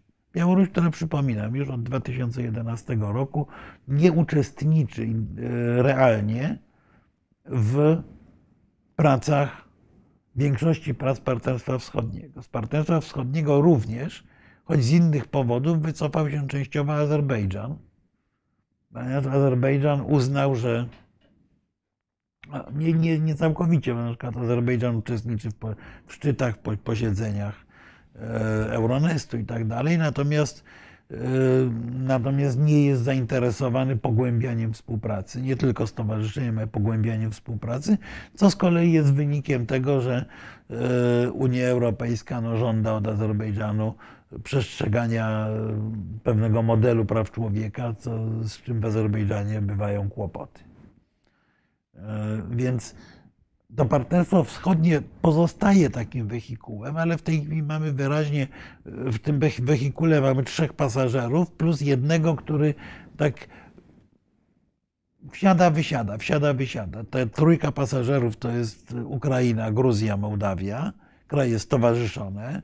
Przypominam, że od 2017 roku Gruzini i Ukraińcy mogą podróżować do Europy bez wiz. Po drugie, mamy Armenię, która taki chciałaby i nie chciałaby, bo jest sparaliżowana tym konfliktem karabachskim, i dwa kraje, które wyraźnie z partnerstwa wschodniego wycofały, nie są zainteresowane e, kierunkiem europejskim jako przyszłościowym, Azerbejdżan e, i Białoruś, aczkolwiek każdy z tych graczy zupełnie z innego, z innego powodu. Więc można powiedzieć tak, że polska polityka wschodnia po roku 2015 to się akurat zbiega. Konflikt ukraiński,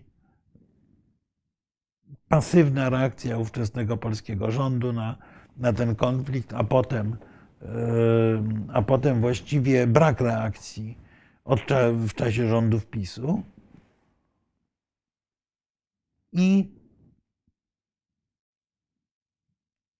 powolne wypadanie z, tego, z tej układanki Białorusi, e, brak realnego pomysłu na pogłębienie współpracy z Azją Środkową czy, e, e, czy Armenią.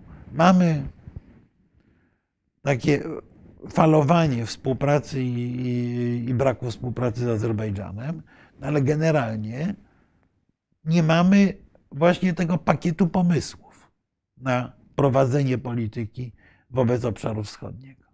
To się zmieniło po 24 lutego tego roku. Musieliśmy się obudzić, ale znowu, proszę Państwa, to jest znowu polityka reaktywna. Miejmy nadzieję, że pójdziemy do przodu, bo pojawiają się w tej chwili nareszcie jakieś próby dyskursu. Na przykład o bardzo głębokim zbliżeniu polsko-ukraińskim.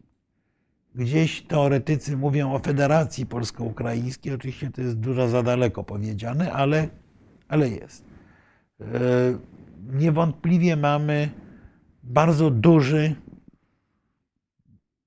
dużą energię skierowaną na to, żeby wesprzeć wchodzenie Ukrainy do Unii Europejskiej. Ale proszę Państwa, no od od właściwie momentu załamania się Partnerstwa Wschodniego, jego odrodzenia na Ukrainie i, i wejścia w fundamentalny zbrojny konflikt z Rosją, my nie bardzo mamy jako państwo, jako elita polityczna, koncepcję polityki wobec Wschodu. Popieramy demokrację na Białorusi. Cudownie. Tylko poza tym wspieraniem, poza, poza przyjmowaniem studentów białoruskich, powinniśmy mieć wobec Białorusi jakiś program polityczny. Nie widzę. Powinniśmy mieć coś więcej niż poparcie e, dla, hmm, ja wiem, obrony Ukrainy. To prawda, polska polityka wschodnia i polityka europejska w ogóle jest w tej chwili w rękach żołnierzy ukraińskich bijących się w Donbasie i, i, i, nad, i nad Dnieprem, proszę Państwa. Taka jest brutalna prawda. No ale dobrze, wysłaliśmy, wysyłamy uzbrojenie, staramy się wspierać, cudownie. Tylko czy mamy projekt, jak zagospodarować członkostwo Ukrainy w Unii Europejskiej? W jaki sposób do tego doprowadzić, żeby jednocześnie oczywiście nie, nie, nie podzielić Europy? Też nie bardzo. Ale zaczynamy mieć, zaczynamy o tym myśleć, tylko myślimy w sposób wymuszony. Ja bym powiedział tak, że poza odpowiadaniem na kolejne kłopoty, my właściwie jedyną rzecz, jaką zrobiliśmy, to przyszliśmy z tym partnerstwem wschodnim, jak mówię, też tak naprawdę jako odpowiedź na to, żeby nam nie zabrali wszystkich pieniędzy na, na, na, na Morze Śródziemne, więc wymyśliliśmy ze Szwedami partnerstwo wschodnie. No ale to partnerstwo wschodnie okazało się być wehikułem niesłychanie efektywnym y, politycznie i ta wojna, która się toczy w tej chwili w Ukrainie, jest w jakiejś mierze efektem tego partnerstwa wschodniego. Proszę Państwa, półtorej godziny gadam, więc wreszcie dajmy szansę Tak, to yy, przejdźmy. dyskutantom. Tak, dajmy szansę, przejdźmy do, do pytań i komentarzy. E, Bardzo dziękujemy za wszystkie miłe słowa. Ja się dołączam tutaj do pana Stosunek Mariusza, Białorusinów do do pana Polaków. Mariusza. Panie Marku, niech pan dba o siebie. tak, tak, to już odpowiadałem, Tak, że z tymi tak. papierosami tak, to, tak. Tak. Po, podzielam. E, już- już Pani. Katarzyna pyta o Białorusinów. Tak, E, Nie, przepraszam, pan, Pan Mariusz Mariusz, pyta pan- o, o tak. e, obecny stosunek Białorusinów do Polaków. E, Myślę, że e, tak, po pierwsze, jak za, zareaguje Rosja na ewentualny zwrot Białorusi na zachód? Otóż ewentualny zwrot Białorusi na zachód jest Białorusi jako państwa, bo, bo obywatele białoruscy są bardzo zachodni tak naprawdę mentalnie, może, może nawet bardziej niż nam się wydaje. E, Natomiast obywatele, przynajmniej ci bardziej wykształceni i tak dalej. Natomiast jak Rosja zareaguje? Otóż znowu, to jest tak jak z tą e, polityką polską. Los, przy, przyszłość Białorusi leży w rękach żołnierzy ukraińskich, proszę Państwa. No taka jest prawda. Jeżeli Rosjanie poniosą porażkę, choćby względną porażkę w Ukrainie, to prawdopodobnie Aleksandr Łukaszenka się nie utrzyma. Wiadomo, że Białorusini nie, e, nie chcą uczestniczyć w wojnie, a Łukaszenka z kolei jest totalnie uzależniony od Rosji. Jeżeli osłabnie Rosja, to oznacza osłabnięcie Łukaszenki. I oczywiście pytanie, na ile ta Rosja osłabnie? Czy Białoruś otrzyma szansę na pełną niepodległość, czy na, czy na demokratyzację z e, formułą finlandyzacji? Tego nie wiemy. Białoruś jest dla Rosji kluczową głębią e, strategiczną. Wobec tego, dopóki Rosjanie mają odrobinę siły, będą się starali trzymać na Białorusi.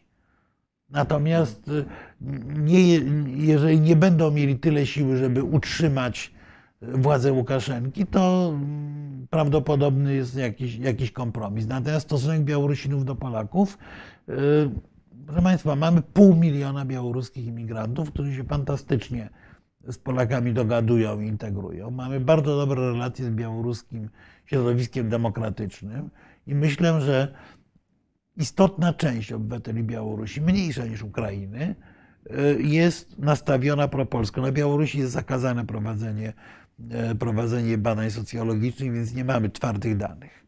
Ale niewątpliwie mamy dwie tendencje. Z jednej strony Aleksander Łukaszenka zrobił z Polski dyżurnego wroga i ci, którzy są otwarci na indoktrynację białoruskiej propagandy, propagandy rządowej, mogą się obawiać, że Polska chce odebrać Grodno, Lidę, Nowogródek i Bóg wie co jeszcze. No nie, że ich zjemy w ogóle, przecież u nas kanibalizm jest. Tak, no, ale to jest też rzecz, o której nie powiedziałem. Obawa białoruska całkiem, całkiem rozsądna, bo właściwie myśmy pominęli w naszych rozważaniach, ja przepraszam, chyba zagaduję Państwa, yy, na przykład kwestię yy, Polaków na wschodzie. A wprowadzenie karty Polaka rzeczywiście doprowadziło do pewnej paniki Łukaszenkę, ponieważ on sobie policzył, że dwie trzecie obywateli Białorusi ma uprawnienia do tego, żeby w jakiś, żeby występować o kartę Polaka. Więc tutaj rzeczywiście ta obawa Łukaszenki nie jest tak kompletnie z niczego wzięta, ale oczywiście Polska niczego nie chce zabierać, żadnej Białorusi, broń Boże. Natomiast chcemy wspierać białoruskie dążenia demokratyczne i poza tymi, którzy są zindoktrynowani przez tę durną propagandę o rzekomej polskiej agresji, znaczna część Białorusinów niewątpliwie patrzy na Polskę lepiej niż patrzyła jeszcze 2-3 lata temu. Pan e, Sebastian Kończak, czy Tak, Ju- komentuje pan twierdzenie Julia Fel- Juri Felsztyński? Felsztyński. E, Już e, to wyświetlę. E, Że na materiałach filmowych z rosyjskimi politykami, politykami Jezus Maria, panie Sebastianie, to jest zresztą tak jak rzucałem okiem na, na, całą, na całą debatę, to Juri Felsztyński niestety yy, choruje na to, na co choruje bardzo wielu ludzi tutaj w tej debacie, również o, o, o Smoleńsku to się pojawia, yy, choruje na taką trochę spiskową wizję historii. Niewątpliwie yy, duża część elity rosyjskiej, także tej opozycyjnej, jest, ja bym to nazwał, nieczytelna. Mogą być przeróżne dziwne związki. Natomiast ja jestem zwolennikiem takiego myślenia, które wyrażał bardzo często Jacek Kuroń, że należy podchodzić z, z dobrą wiarą do ludzi, którzy deklarują, e, deklarują coś uczciwego. Tak, czyli panie Sebastianie, Za- Z dobrą wiarą. A poza tym pamiętajmy, że y, KGB też jest podzielone i niewątpliwie no to, co mówią Rosjanie, że y, Aleksiej Nawalny miał długi czas, to ładnie po rosyjsku się nazywa kryszę, czyli o- osłonę części środowiska KGB-owskiego. Proszę pamiętać, że wewnątrz KGB, które, jak mówię, to nie jest y, bezpieka, to jest partia rządząca w Rosji tak naprawdę. Wewnątrz tej partii rządzącej w tej chwili już trwają rozgrywki, układanie się na czas po Putinie. Putin ma 70 lat. Jego koledzy, którzy z nim rządzą, są też już w wieku zaawansowanym. Wobec tego no, trzeba się przygotowywać do tego, do czego przygotowywał się w latach 90. Putin ze swoimi kumplami. Czyli następne pokolenie kagiebistów walczy o władzę, a jest podzielone na kilka grup. Jedna z tych grup niewielkich niewątpliwie stawiała i stawia na Nawalnego. Można, mo, można takie rozważania snuć, tylko one niczego, niczego nie, wnio, nie wnoszą poza, y, po, po, poza stwierdzeniem, że rzeczywiście życie publiczne w Rosji jest zinfiltrowane w ogromnym stopniu przez kagiebistów, ale w bardzo różnych formułach. Dalej dziękowania za wykłady. Niemczech mówili z zadowoleniem, że Putin jest Niemcem rządzącym w Rosji w interesie Niemiec. E, E, No, e, śmiała teza, ja bym się z nią e, nie Zgodził, tak. E, Myślę, że raczej Putin e, wykorzystuje. Zresztą to nic nowego w rosyjskiej Cynicznie, historii. tak. Nic nowego w rosyjskiej historii. Połowa rosyjskich generałów i carów była półniemcami, czy jakoś związana z Niemcami. E, Ale raczej Putin e, wykorzystuje swoje kontakty niemieckie w sposób cyniczny w interesie wielkorosyjskim, bo jest wielkorusem, a nie, a nie odwrotnie. tutaj A jak się stało, że to Putin. Tak, Pani Katarzyno. trzy słowa, e, bo- Pani jest- Katarzyno, no, Putin, tu, tu się nie zgadzam zresztą z tym, co, co pan Adam potem powiedział, że to obiecał Jelcynowi, że przekręty Jelcyna i jego rodziny będą przykryte. No, naprawdę, e, oczywiście model kleptokratyczny jest ważny, przekręty są ważne, ale nie one decydują o czynnikach politycznych.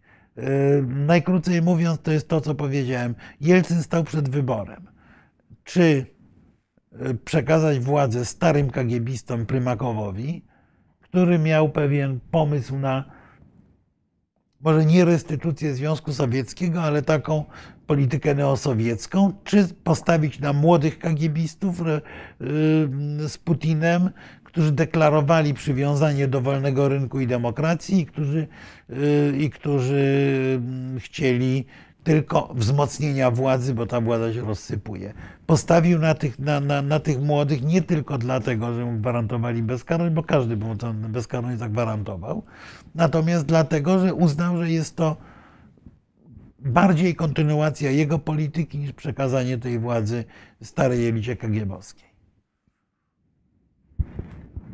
E, Wschód nie jest atrakcyjny dla polskiego społeczeństwa. E, Panie Filipie, no, obawiam się, że, e, że tak jest, tylko to jest błąd. Wie pan, to jest tak jak z tym stwierdzeniem, że ja się nie interesuję polityką, bo jest, bo jest niedobra, no to jak się nie interesujesz polityką, to polityka zainteresuje się tobą. Otóż jak wschód nie jest atrakcyjny dla Polaków, to wschód się nami zainteresuje, już się zainteresował, bo wojna w Ukrainie zmienia Polskę do, do, do głębi. Niestety. Tak, tutaj jest, mamy podziękowanie za programy panowie. Mógłbym słuchać was, znaczy głównie mówi Jerzy Marek Nowakowski. Ja na ogół milczę, no bo ma. Także e, bardzo dziękujemy, ale e, muszę oddać tutaj. Tak, tutaj pan Łukasz, który mówił mi, że mówię bzdury, e, powiada, że jesteśmy całkowicie uzależnieni od Zachodu. Tak, jesteśmy. Szczególnie po. W piątek ataku, o tym mówiliśmy. Tak, szczególnie po ataku na Ukrainę. Rzeczywiście jesteśmy uzależnieni, jesteśmy, no może nie Portorykiem, ale, ale jesteśmy bardzo uzależnieni, szczególnie od Stanów Zjednoczonych. Natomiast piękny postulat powinniśmy być bardziej suwerenni i niezależni. To jest oczywiście świetny, świetny pomysł, tylko oznacza to postawienie znaku zapytania przy naszej niepodległości w ogóle, bo przy tym poziomie głębokiego uzależnienia od Zachodu jednak no, jesteśmy w tym świecie zachodnim pod zachodnim parasolem, rzeczywiście czasem pod zachodnią kroplówką, ale jesteśmy krajem niezależnym i suwerennym, znaczy, który musi się liczyć partnerami gwarantującymi mu bezpieczeństwo. Natomiast niezależność i suwerenność bez przynależności. Zresztą, Panie Łukaszu, ja proponuję zadanie sobie przez Pana pytania zupełnie innego. Dlaczego Finlandia i Szwecja, przekreślając od kilkuset lat prowadzoną politykę szwedzką, trochę krócej, bo, bo było wcześniej pod zaborem rosyjskim w Finlandii, politykę neutralności, politykę, która dla tych krajów była polityką w pełni gwarantującą ich bezpieczeństwo. Dlaczego te kraje w tej chwili z tej polityki rezygnują i wchodzą do tego świata zachodniego, jakoś się uzależniająć od tego NATO? Znaczy oddają ano część właśnie, swojej tak, suwerenności. Tak, ano właśnie mówić. dlatego mają znakomite armie, dużo lepsze od naszej tak naprawdę w sensie przygotowania zdolności mobilizacyjnych. Y, dlaczego to robią? Dlaczego rezygnują z tej suwerenności? No dlatego, żeby obronić, y, obronić całość, bo lepiej oddać 20% niż postawić 100% pod ogromne ryzyko. Proste. Także o ile pierwszy, o, o ile teza jest w jakimś sensie prawdziwa, o tyle wniosek, że to nie jest dobre i mądre, jest wnioskiem błędnym, bo no, suwerenni i niezależni są Amerykanie, Rosjanie, Chińczycy, Hindusi yy, i tyle, bo opowieści o pełnej suwerenności Korei Północnej są bzdurą, bo bez Chin by umarła w ciągu tygodnia. No też ci Amerykanie i Hindusi nie są tacy niezależni, bo są związani. No nie, są związani masy, między sobą, ale tak, są rzeczy, ale podejmują tak decyzje w 100% Każdy, suwerenne. Wszyscy każda umowa inni... międzynarodowa tak. to jest oddanie w pewnym Zgoda. sensie jakiejś części tak. swojej suwerenności ale, w zamian za coś. Tak, ale I, mocarstw, i, mocarstwa mogą mówić, że są suwerenne, tak. wszyscy inni mogą mówić, że są suwerenni, ale jednocześnie muszą się liczyć z wolą, z wolą tych mocarstw. No, no trudno. No, nie jesteśmy mocarstwem, Tak byliśmy działa. mocarstwem do roku 1650 e, mniej więcej do, do potopu szwedzkiego i, i ugody perejsławskiej. O Molo w Sopocie to już mówiliśmy. Tak, no nie, prawdę mówiąc nie jest ważne, bo naprawdę to wraca od 1990 roku, wraca jako taka sonda wypuszczana przez Rosjan. Przecież ta, tę, tę sondę w dużo bardziej oni wypuścili do Wiktora Orbana. Prorosyjska polityka Orbana nie wynika tylko z nafty i pieniędzy, ale wynika właśnie z nadziei na to, że można uszcząć kawałek tej Ukrainy. No ale on to kupił. Tak, on to Orban. kupił, no ale Wszystko na to wskazuje przynajmniej. tak. A my chyba nie bardzo.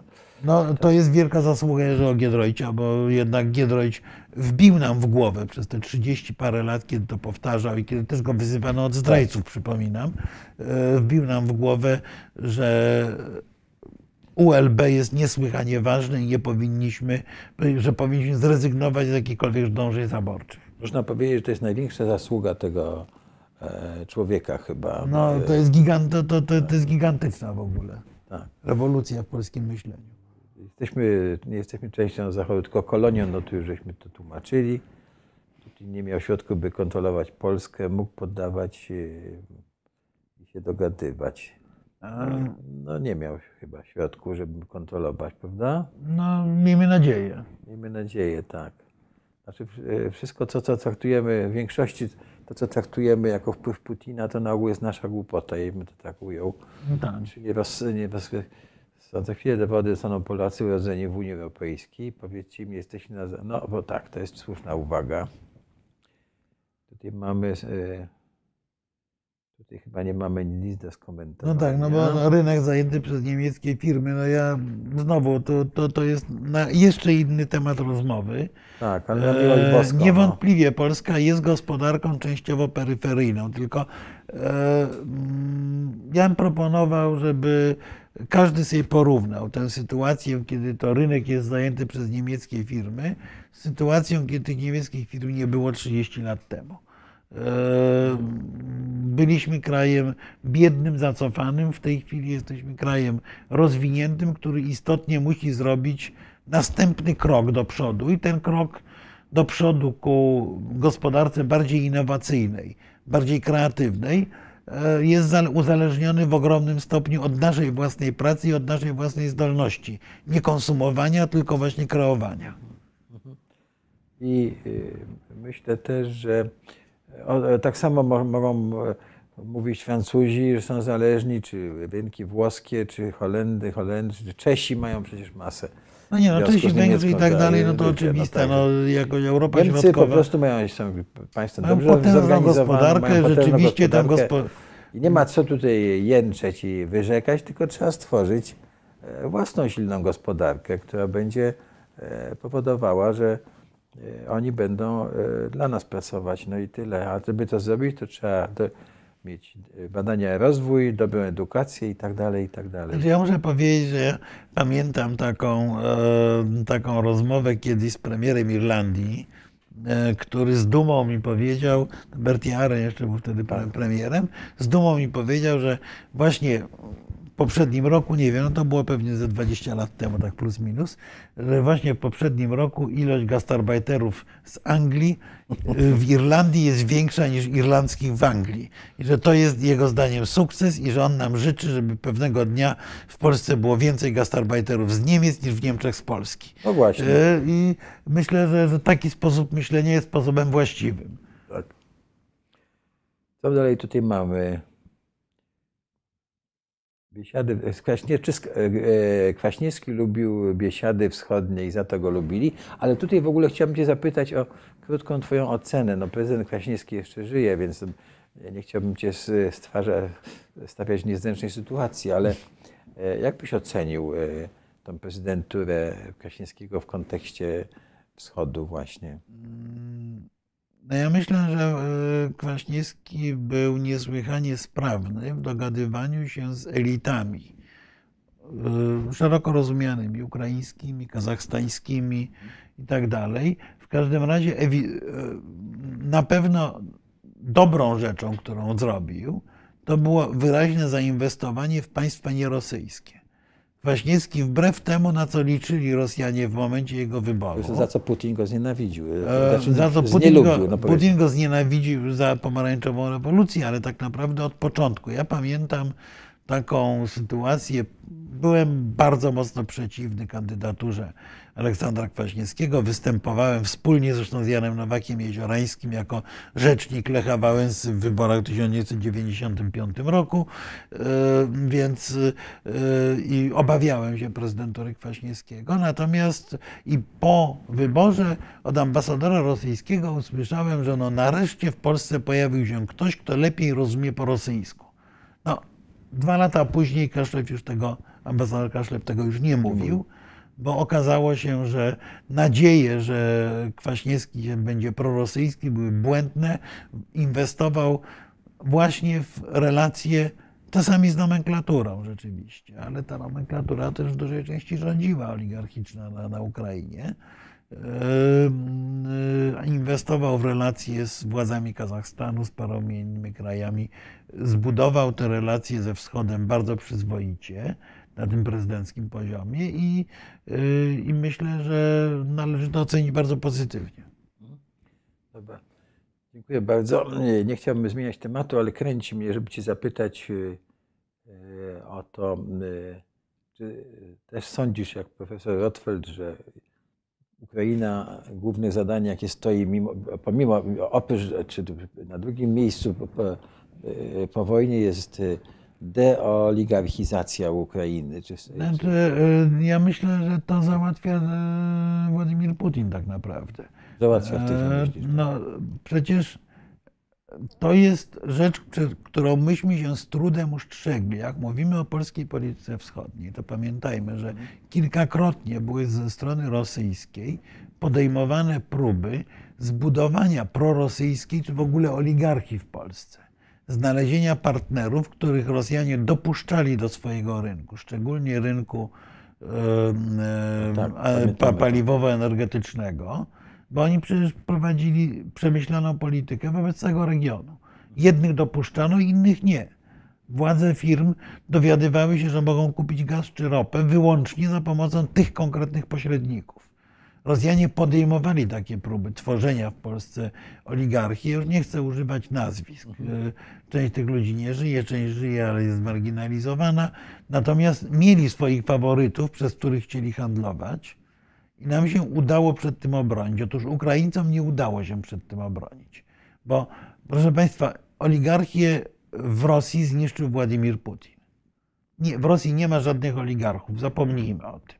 Te opowieści o tych milionerach to nie są oligarchowie, to są zarządcy majątku państwowego z woli y, Putina. Oczywiście to są ludzie piekielnie bogaci, osobiście również. Natomiast te miliardy mają wyłącznie dlatego, że władza im na to pozwala, żeby je mieć. Oni zarządzają tymi miliardami, ale w każdej chwili kagiebowcy mogą je odebrać. Y, y, Od momentu aresztowania Michała Chodorkowskiego, który chciał wyprowadzić swoją firmę na giełdę nowojorską, żeby była chroniona przez Zachód, od tego momentu w Rosji nie ma oligarchów. Natomiast oligarchowie ukraińscy, ale oligarchowie dużo mniejsi, nie wiem, gruzińscy, ormiańscy czy, czy, czy mołdawscy, oni wszyscy budowali swoje fortuny na ciemnych interesach z Rosją. Otóż Rosjanie, przeciąwszy te relacje z Ukrainą, e, doprowadziwszy do de facto zrujnowania przecież takich ludzi jak Rinat Achmetow, czy, czy, czy, czy, czy, czy Pińczuk, czy ktokolwiek inny, de facto przeprowadzili deoligarchizację Ukrainy. Ci oligarchowie e, po wojnie nie będą mieli 10% tych wpływów, które mieli, bo po prostu ich majątki zostały zrujnowane. To jest tak jak y, z sytuacją trochę części polskiej szlachty i magnaterii po potopie szwedzkim, gdzie y, skład, y, skład tych wielkich rodów się bardzo zmienił, bo to było uzależnione od tego, kto został zrujnowany przez, przez potop, a kto nie. To, tu, tu, jest, tu jest podobnie. W każdym razie, jako grupa, wydaje się, że oligarchowie ukraińscy już nie mają szans na odbudowę swojej pozycji. Nie mają jeszcze z jednego powodu. Dlatego, że postawa wojska, postawa elity biurokratycznej skupionej wokół prezydenta Załęskiego w tak znaczący sposób wpłynęła na poziom zaufania do nich społeczeństwa ukraińskiego, że oligarchowie jako ci yy, game changerzy nie będą, nie, nie będą potrzebni również z tego poziomu społecznego, bo wcześniej byli. Oni byli tymi dawcami dóbr. Ja mówię, oglądałem to w wielu krajach postsowieckich, to, to, to, to wyglądało tak, to dobre panisko, które tutaj ma swoje miejscowości, swoje firmy, swoje huty, hoduje, ro, rozdaje dobra swoim ludziom, ma swoje szkoły, ma swoje kluby sportowe i tak dalej. Teraz tego nie będzie, więc myślę, że tu profesor, tu profesor patrzy za bardzo na tę Ukrainę, która, która była i która, której już nie ma po tej wojnie.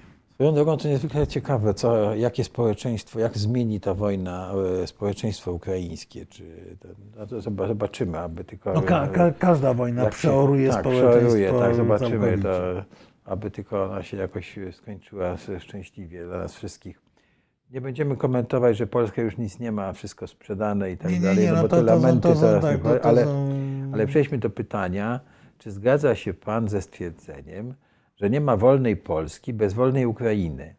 Odnoszę wrażenie, że przez przesadne hołdowanie takim stwierdzeniom tracimy politycznie w relacjach z Ukrainą. To znaczy, oczywiście, oczywiście jest to piękna konstrukcja e, słowna, która e, nie jest do końca prawdziwa. To znaczy, jest wolna Polska bez wolnej Ukrainy, tylko ta wolna Polska bez wolnej Ukrainy jest w sytuacji bardzo niekomfortowej. No, naj, najkrócej mówiąc, e, mm, proszę pana, jeżeli rosyjskie czołgi by stały pod Przemyślem, po drugiej stronie Sanu, to e, czy sądzi pan, że e, jakikolwiek inwestor e, amerykański na przykład inwestowałby w Mielcu, gdzie jest potężna, po- potężny ośrodek przemysłu lotniczego nowoczesnego, który to Miele znajdowałby się w zasięgu strzału armatniego nieomal od, od, od Przemyśla, czy turyści by jechali w Bieszczady w, w obawie, że e, mogą po drugiej stronie wpaść w ręce rosyjskich pograniczników i tak dalej. E, Bylibyśmy krajem frontowym i zagrożonym bez, bez Ukrainy, a jednocześnie Rosja byłaby krajem, który byłby, e, mówiąc językiem bardzo popularnym, wręcz nabuzowanym sukcesem w postaci zdobycia tej, tej Ukrainy i e, chętnym do dalszych podbojów. Więc e, ja bym powiedział inaczej. Nie ma rosyjskiego imperium w Europie bez Ukrainy. I w tym sensie e, niepodległa Ukraina jest dla Polski w jakimś sensie buforem, który chroni nas przed rosyjskim imperializmem, ale nie tylko nas, chroni całą Europę przed e, rosyjskim imperializmem. Więc ta Ukraina jest rzeczywiście dość kluczowa dla przyszłości bezpieczeństwa, ale również ro- rozwoju gospodarczego. W kraju frontowym się nie inwestuje, proszę Państwa. E, Albo inwestuje się e, inwestycjami ryzykownymi. Naszym luksusem było to, że byliśmy traktowani jako kraj normalny, w którym można inwestować, działać, y, zarabiać pieniądze. E, Proszę popatrzeć, jaki impuls rozwojowy dostali Niemcy w momencie, jak Polska, e, Czechy, Węgry znalazły, się w NATO i w Unii Europejskiej. Nagle Niemcy przestały być krajem frontowym, stały się krajem środka Europy, który wyłącznie konsumował gigantyczną dywidendę pokojową. No niestety jeszcze konsumował gigantyczną dywidendę energetyczną przez współpracę z, Rosjanami i teraz tę cenę pewnie będzie musiał zapłacić. Wiesz, jak mówisz o, o Niemczech Zachodnich, to pamiętam, jak już po zmianach wjechałem do Niemiec Zachodnich, jeszcze były te znaki drogowe, wojskowe na, wszędzie na autostradach niemieckich. I teraz jak jechałem przez Polskę i w niektórych miejscach e, to, to, tak są takie same znaki, czołgi tu, to czołgi tam, to właśnie tak sobie pomyślałem o tym, że ta granica się tak e, przesunęła w tej chwili. Tutaj pan Łukasz, który no, komentarze pana Łukasza są na granicy tego, co byśmy nazwali trollowaniem rosyjskim, ale czy naszym interesem y, było wspierać Majdan czy pucz zorganizowany, czyli Panie, zorganizowany panie CIA? Łukaszu, jeżeli To pan ma skomentujmy to, bo to tak- jakiekolwiek dowody, że był to pucz zorganizowany przez CIA, to e, bardzo chętnie posłucham. Ja mam wrażenie, że był to od, w obu wypadkach, obu Jeden Majdan i drugi. Był to ruch bardzo oddolny, podlegający pewnej e, takiej modelowej samoorganizacji ukraińskiej. Oczywiście w pewnym momencie wspierany przez różne kraje i różne instytucje. Natomiast e, naprawdę to jest, to jest myślenie, panie Łukaszu, to jest myślenie po putinowsku, czy generalnie po dyktatorsku. Proszę zwrócić uwagę, że Władimir Putin nie uznaje podmiotowości Polski, ponieważ to, co robi Polska w jego retoryce, w retoryce jego ludzi, to jest wykonywanie zamówienia amerykańskiego. Polska to jest piesek Ameryki. I pan przyjmuje podobny model myślenia. Nie, nie mamy dowodów, że jest to pucz zorganizowany przez CIA. E, Wiemy natomiast, że e, mamy bardzo wiele dokumentów e, wskazujących na to, że był to ruch rzeczywiście oddolny, pewnie w pewnym momencie, który otrzymał pewnie wsparcie różnych organizacji pozarządowych, Polskich też. polskich też, ale a być może również y, jakieś pieniądze, które poprzez organizacje pozarządowe płynęły z jakichś instytucji, niekoniecznie CIA, ale instytucji państwowych różnych krajów, ale, ale y, zazwyczaj instytucje takie jak CIA, proszę Państwa, są skłonne podłączać się pod y, różne wygrane imprezy żeby coś z tego wyciągnąć, a na pewno nie, nie organizują tego. Nie odmawiajmy Ukraińcom podmiotowości, tak jak y, nie pozwalajmy, żeby nam odmawiali podmiotowości na przykład ludzie tacy jak Putin. Tak. Ja się muszę przyznać, że fundacja nasza e, przyczyniła się do Majdanu, ponieważ przez program wymiany młodzieży e, e, organizowanym przez naszą fundację i w porozumieniu też z kanadyjską organizacją przeszło chyba z stu kilkudziesięciu młodych Ukraińców, którzy tu byli przez e, pół roku w Kanadzie, pół roku u nas. I większość z nich, z tego co się zorientowaliśmy, był, była na Majdanie, więc, więc nie CIA, tylko my. Y, Czy zgadza się z Pana, to już my mówiliśmy sobie, czy Rosji, Rosji grozi zamknięcie granic, tak jak w Korei Północnej? No nie, no, nigdy. o, może nie nie. Korei Północnej, ale Rosjanie pomału zmierzają do modelu sowieckiego. To znaczy będą o, o, zamykali granice i kontrolowali, tak? w tym Tak, sensie e, mówisz. czyli kontrola granic to przepływ w obie strony, bo już coraz bardziej Rosjanie kontrolują wyjazdy własnych obywateli, nie tylko przyjazdy do siebie. Z przyjazdami do siebie to, to wiele krajów w różnym stopniu limituje i kontroluje, a Rosjanie właśnie zaczynają blokować przepływ w drugą stronę, podobnie jak przepływ informacji. Więc mówię, może nie Korea Północna, bo Rosja jest za duża, natomiast, e, natomiast e, e, bardzo ścisła kontrola, taka jak zbliżona do tej, która była w okresie komunizmu, niestety Rosjanom grozi. Oni to wiedzą, dlatego kilkaset tysięcy ludzi, którzy mogli, to już nawiało. Mhm. Tu Chińczycy wykorzystują nadarzające się okazje, tak Chińczycy są bardzo konsekwentni, ale to innym razem o Chinach. Mm, Tak, no bo Chiny, tak swoją drogą, Chiny były nieobecne w naszej polityce wschodniej. Każda próba ich włączenia w tę politykę e, powodowała to, że byliśmy traktowani głęboko przedmiotowo, a nie, a nie podmiotowo przez partnera chińskiego. Wobec tego, e, wobec tego no niewiele z tego nam, nam wychodziło. Ale to jest, to jest kompletnie inna na inną kwestia. bajkę, tak. Y, Z, z przyjemnością zaprosimy ludzi, którzy się na tym naprawdę dobrze znają i, i którzy będą mogli o tej chińskiej polityce polskiej dokładniej Tu opowiadać. jest ciekawe pytanie, czy komentarz pani Katarzyny Zielińskiej. Zastanawiam się, na ile wzrost znaczenia energii odnawialnych na świecie może wpływać na agresywność Rosji. E, Mocarstwa. Pani e, Katarzyna, no ja, e, ja tak sobie myślę, że... Wiele razy tu mówiliśmy o tym. Myśmy mówili o tym, tak. że tak naprawdę Rosjanie zdawali sobie sprawę z tego, że pistolet naftowo-gazowy będzie działał tylko przez pewien czas. I być może świadomie bądź nieświadomie przyspieszyli bieg wydarzeń. Tak, bo E, bo rzeczywiście zmiana technologiczna będzie powodowała, że e, rola e, wielkiej stacji benzynowej będzie malała, że ceny surowców takich jak ropa i gaz perspektywie, ja nie wiem, 10-15 lat na pewno będą znacząco niższe i ich znaczenie będzie znacząco niższe, więc oczywiście Rosjanie to brali pod uwagę. Rosjanie to brali pod uwagę i być może jest to rzeczywiście jeden z czynników, które sprawiły, że e, sprowokowali wojnę w tej chwili, żeby, e, żeby wyprzedzić wydarzenia, które tak czy inaczej ich dotkną.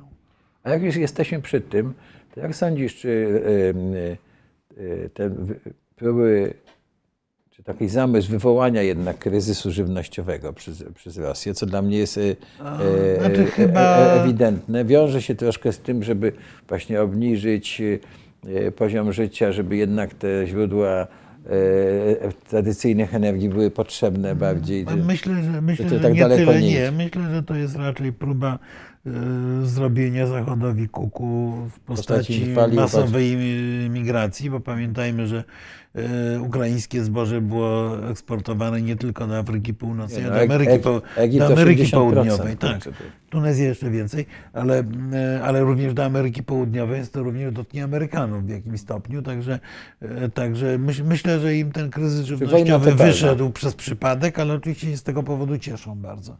E, Zresztą, no bo tutaj była cała fala dyskusji wokół sprawy smoleńskiej, żeby, e, żeby do nich nie wracać, to ja powiem, że to jest trochę tak jak ze Smoleńskiem, że ja nie sądzę, że Rosjanie dokonali zamachu, natomiast niewątpliwie wykorzystują sprawę smoleńską po prostu No mają do końca. do końca. To w ogóle Um, I dokładnie to i, samo, i będą. to samo im wyszło z tą, z tą, z tą żywnością, że nie, nie zrobili to świadomie, ale wyszło im e, tak, że, że, że, im się, że im się to jakoś tam bardzo, e, bardzo podoba. No tu jest komentarze w wyborach. Mamy potencjał. E, To jest z kolei pan księżyc Plutona, czy pani księżyc Plutona. Mamy potencjał, ale często sami nie potrafimy go kompletnie wykorzystać, zwłaszcza Znaczy, przy zawirowaniach geopolitycznych. Pewnie przy całej naszej pomocy Ukra- Ukraina i tak śmie- śmietankę spiją Niemcy. Znaczy ja, Ech. ja myślę, że z tym, y, z tym wykorzystywaniem szans przy zawirowaniach geopolitycznych to jest znowu trochę prawdy, trochę, e, Tak. trochę mitu. Ten nasz potencjał jest potencjałem bardzo młodym. E, Ja e, pamiętam jeszcze e, funkcjonowanie w polskim rządzie dwadzieścia kilka lat temu, kiedy naprawdę nie było nas stać na prowadzenie aktywnej polityki wielokierunkowej.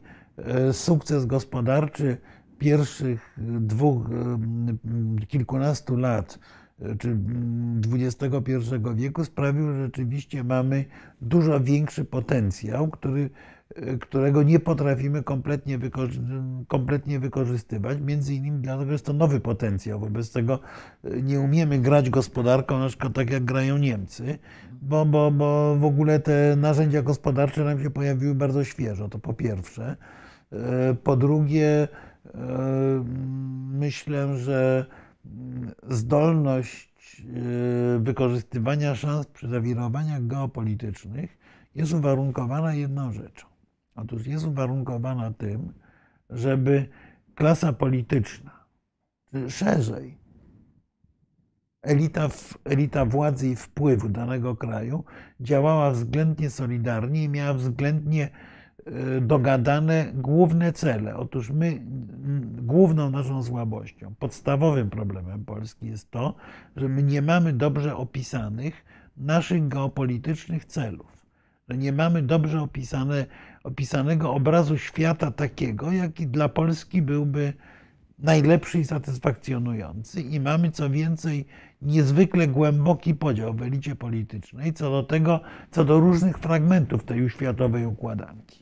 Więc yy, nie uczestniczymy w grach geopolitycznych, bo po pierwsze, e, mm, jesteśmy w sytuacji na razie kogoś, kto przesiadł się ze starego Trabanta do e, porządnego Mercedesa i musi się nauczyć go prowadzić. e, wykorzystywać jego możliwości, bo prowadzić może, ale wykorzystywać jego realne możliwości. A po drugie, e, na razie e, kierowca i, kierowca i jego małżonka wyrywają sobie kierownicę tego Mercedesa z ręki, co dodatkowo utrudnia jego prowadzenie, czy prowadzenie go slalomem wśród geopolitycznych zawirowań. Opowiem to takiej metafory, może być prymitywnej użył. No, małżonka i ciekawe, kto jest kim, ale dobrze. Proszę pana Łukasza, agentów się nie wywala ze służb, agentów się pozyskuje do współpracy, także nie, nie, to też prawda. A, także. E, panie Łukaszu, ja nie jestem pewien znowu, czy, e, czy w ogóle czy jest w czym robić czystkę, bo mam wrażenie, że kolejne zawirowania niestety rozbiły nasze służby specjalne w takim stopniu, że już nie bardzo jest w czym robić czystkę. Być może trzeba zaorać i tworzyć od nowa. Tego nie, nie mam na ten, na, na, ten temat zdania. Yy, yy, yy, później. Pani Katarzyna tak, tutaj no mówiła o agresji na, na, na Gruzję. Właśnie, poczekaj, bo ja chyba w złą stronę to przyjąłem. Czy... Rosja ujawniła swoje plany dotyczące polityki zagranicznej. Jak to się stało, że Polska się na tym nie skupiła? No bo nikt się, pani Katarzyna, na tym nie skupił. Nie tylko my. Yy, wszystkim się wydawało, że to jest jakiś taki drobiazg jednorazowy, że nie jest, że nie jest jasne tak naprawdę, co będzie dalej. E, rzeczywiście tutaj ta fraza Lecha Kaczyńskiego o tym, że dzisiaj, dziś Gruzja, jutro Ukrainę, pojutrze, pojutrze Wilno i Warszawa, e, okazała się prorocza, ale E, ale tak naprawdę to nikt w to nie wierzył, czy prawie nikt w to nie wierzył z ludzi, którzy decydowali o polityce europejskiej, w tym polskiej, co było, co było błędem. E, no ale to jest e, sytuacja takiego samookłamywania się. Mówię, pamiętajmy, że potem, już po tej agresji na Gruzję następuje ten sławetny reset z Rosją. E, kiedy e, sami siebie przekonujemy, Amerykanie siebie przekonują i tak dalej, że, e, że ta Rosja jest partnerem, z którym warto rozmawiać, bo gdyby, nie, gdyby było inaczej, to byśmy się od tego momentu rzeczywiście powinni zbroić, zbroić, zbroić, yy, usztywniać Zachód. Tutaj na pewno panu Łukaszowi się to nie spodoba, ale pogłębiać integrację europejską i tak dalej, i tak dalej. Yy, to yy, powinniśmy to byli zrobić. Dobrze. Y, tak naprawdę realne działania podjęli Amerykanie i trochę z inspiracji amerykańskiej myśmy w tym uczestniczyli w jakimś stopniu, dopiero po roku 2014 po zaborze Krymu i Donbasu. Y, I zrobiono wtedy spory wysiłek, na, ale na Ukrainie, a nie w świecie zachodnim, który dalej nie wierzył, że, że będzie tak źle, jak jest. No, myślę, że y, ten zimny prysznic, który dostaliśmy w tej chwili, jako w ogóle świat kolektywnego Zachodu, y, wreszcie podziała, aczkolwiek też ręki bym sobie za to uciąć nie dał. Słuchaj, ja proponuję, żebyśmy na tym zakończyli dzisiaj i zaprosili Państwa na. Za tydzień. Za tydzień. Tutaj, ale skończmy jeszcze na tym że Litwa zdaje sobie sprawę, że nie istnieje bez Polski, co by im nie obiecywali z USA. No to, proszę Znowu, pana, ja myślę, Litwini są takie... dzielne, tak, taki stereotyp. Y, nie, poza taki... tym to jest takie, e, ta, ta, ta, takie posługiwanie takimi kalkami właśnie, że nie ma niepodległej Polski bez niepodległej Ukrainy, nie ma Litwy bez Polski i tak dalej. To wszystko nie jest takie proste rzeczywiście. E, w, w, każdym z tych, e, w każdym z tych stwierdzeń jest jakiś element prawdy, ale to, to nie jest wyja- jednoczynnikowe wyjaśnienie czegokolwiek w polityce prowadzi do e, zazwyczaj na, na manowce i do popełnienia poważnych błędów.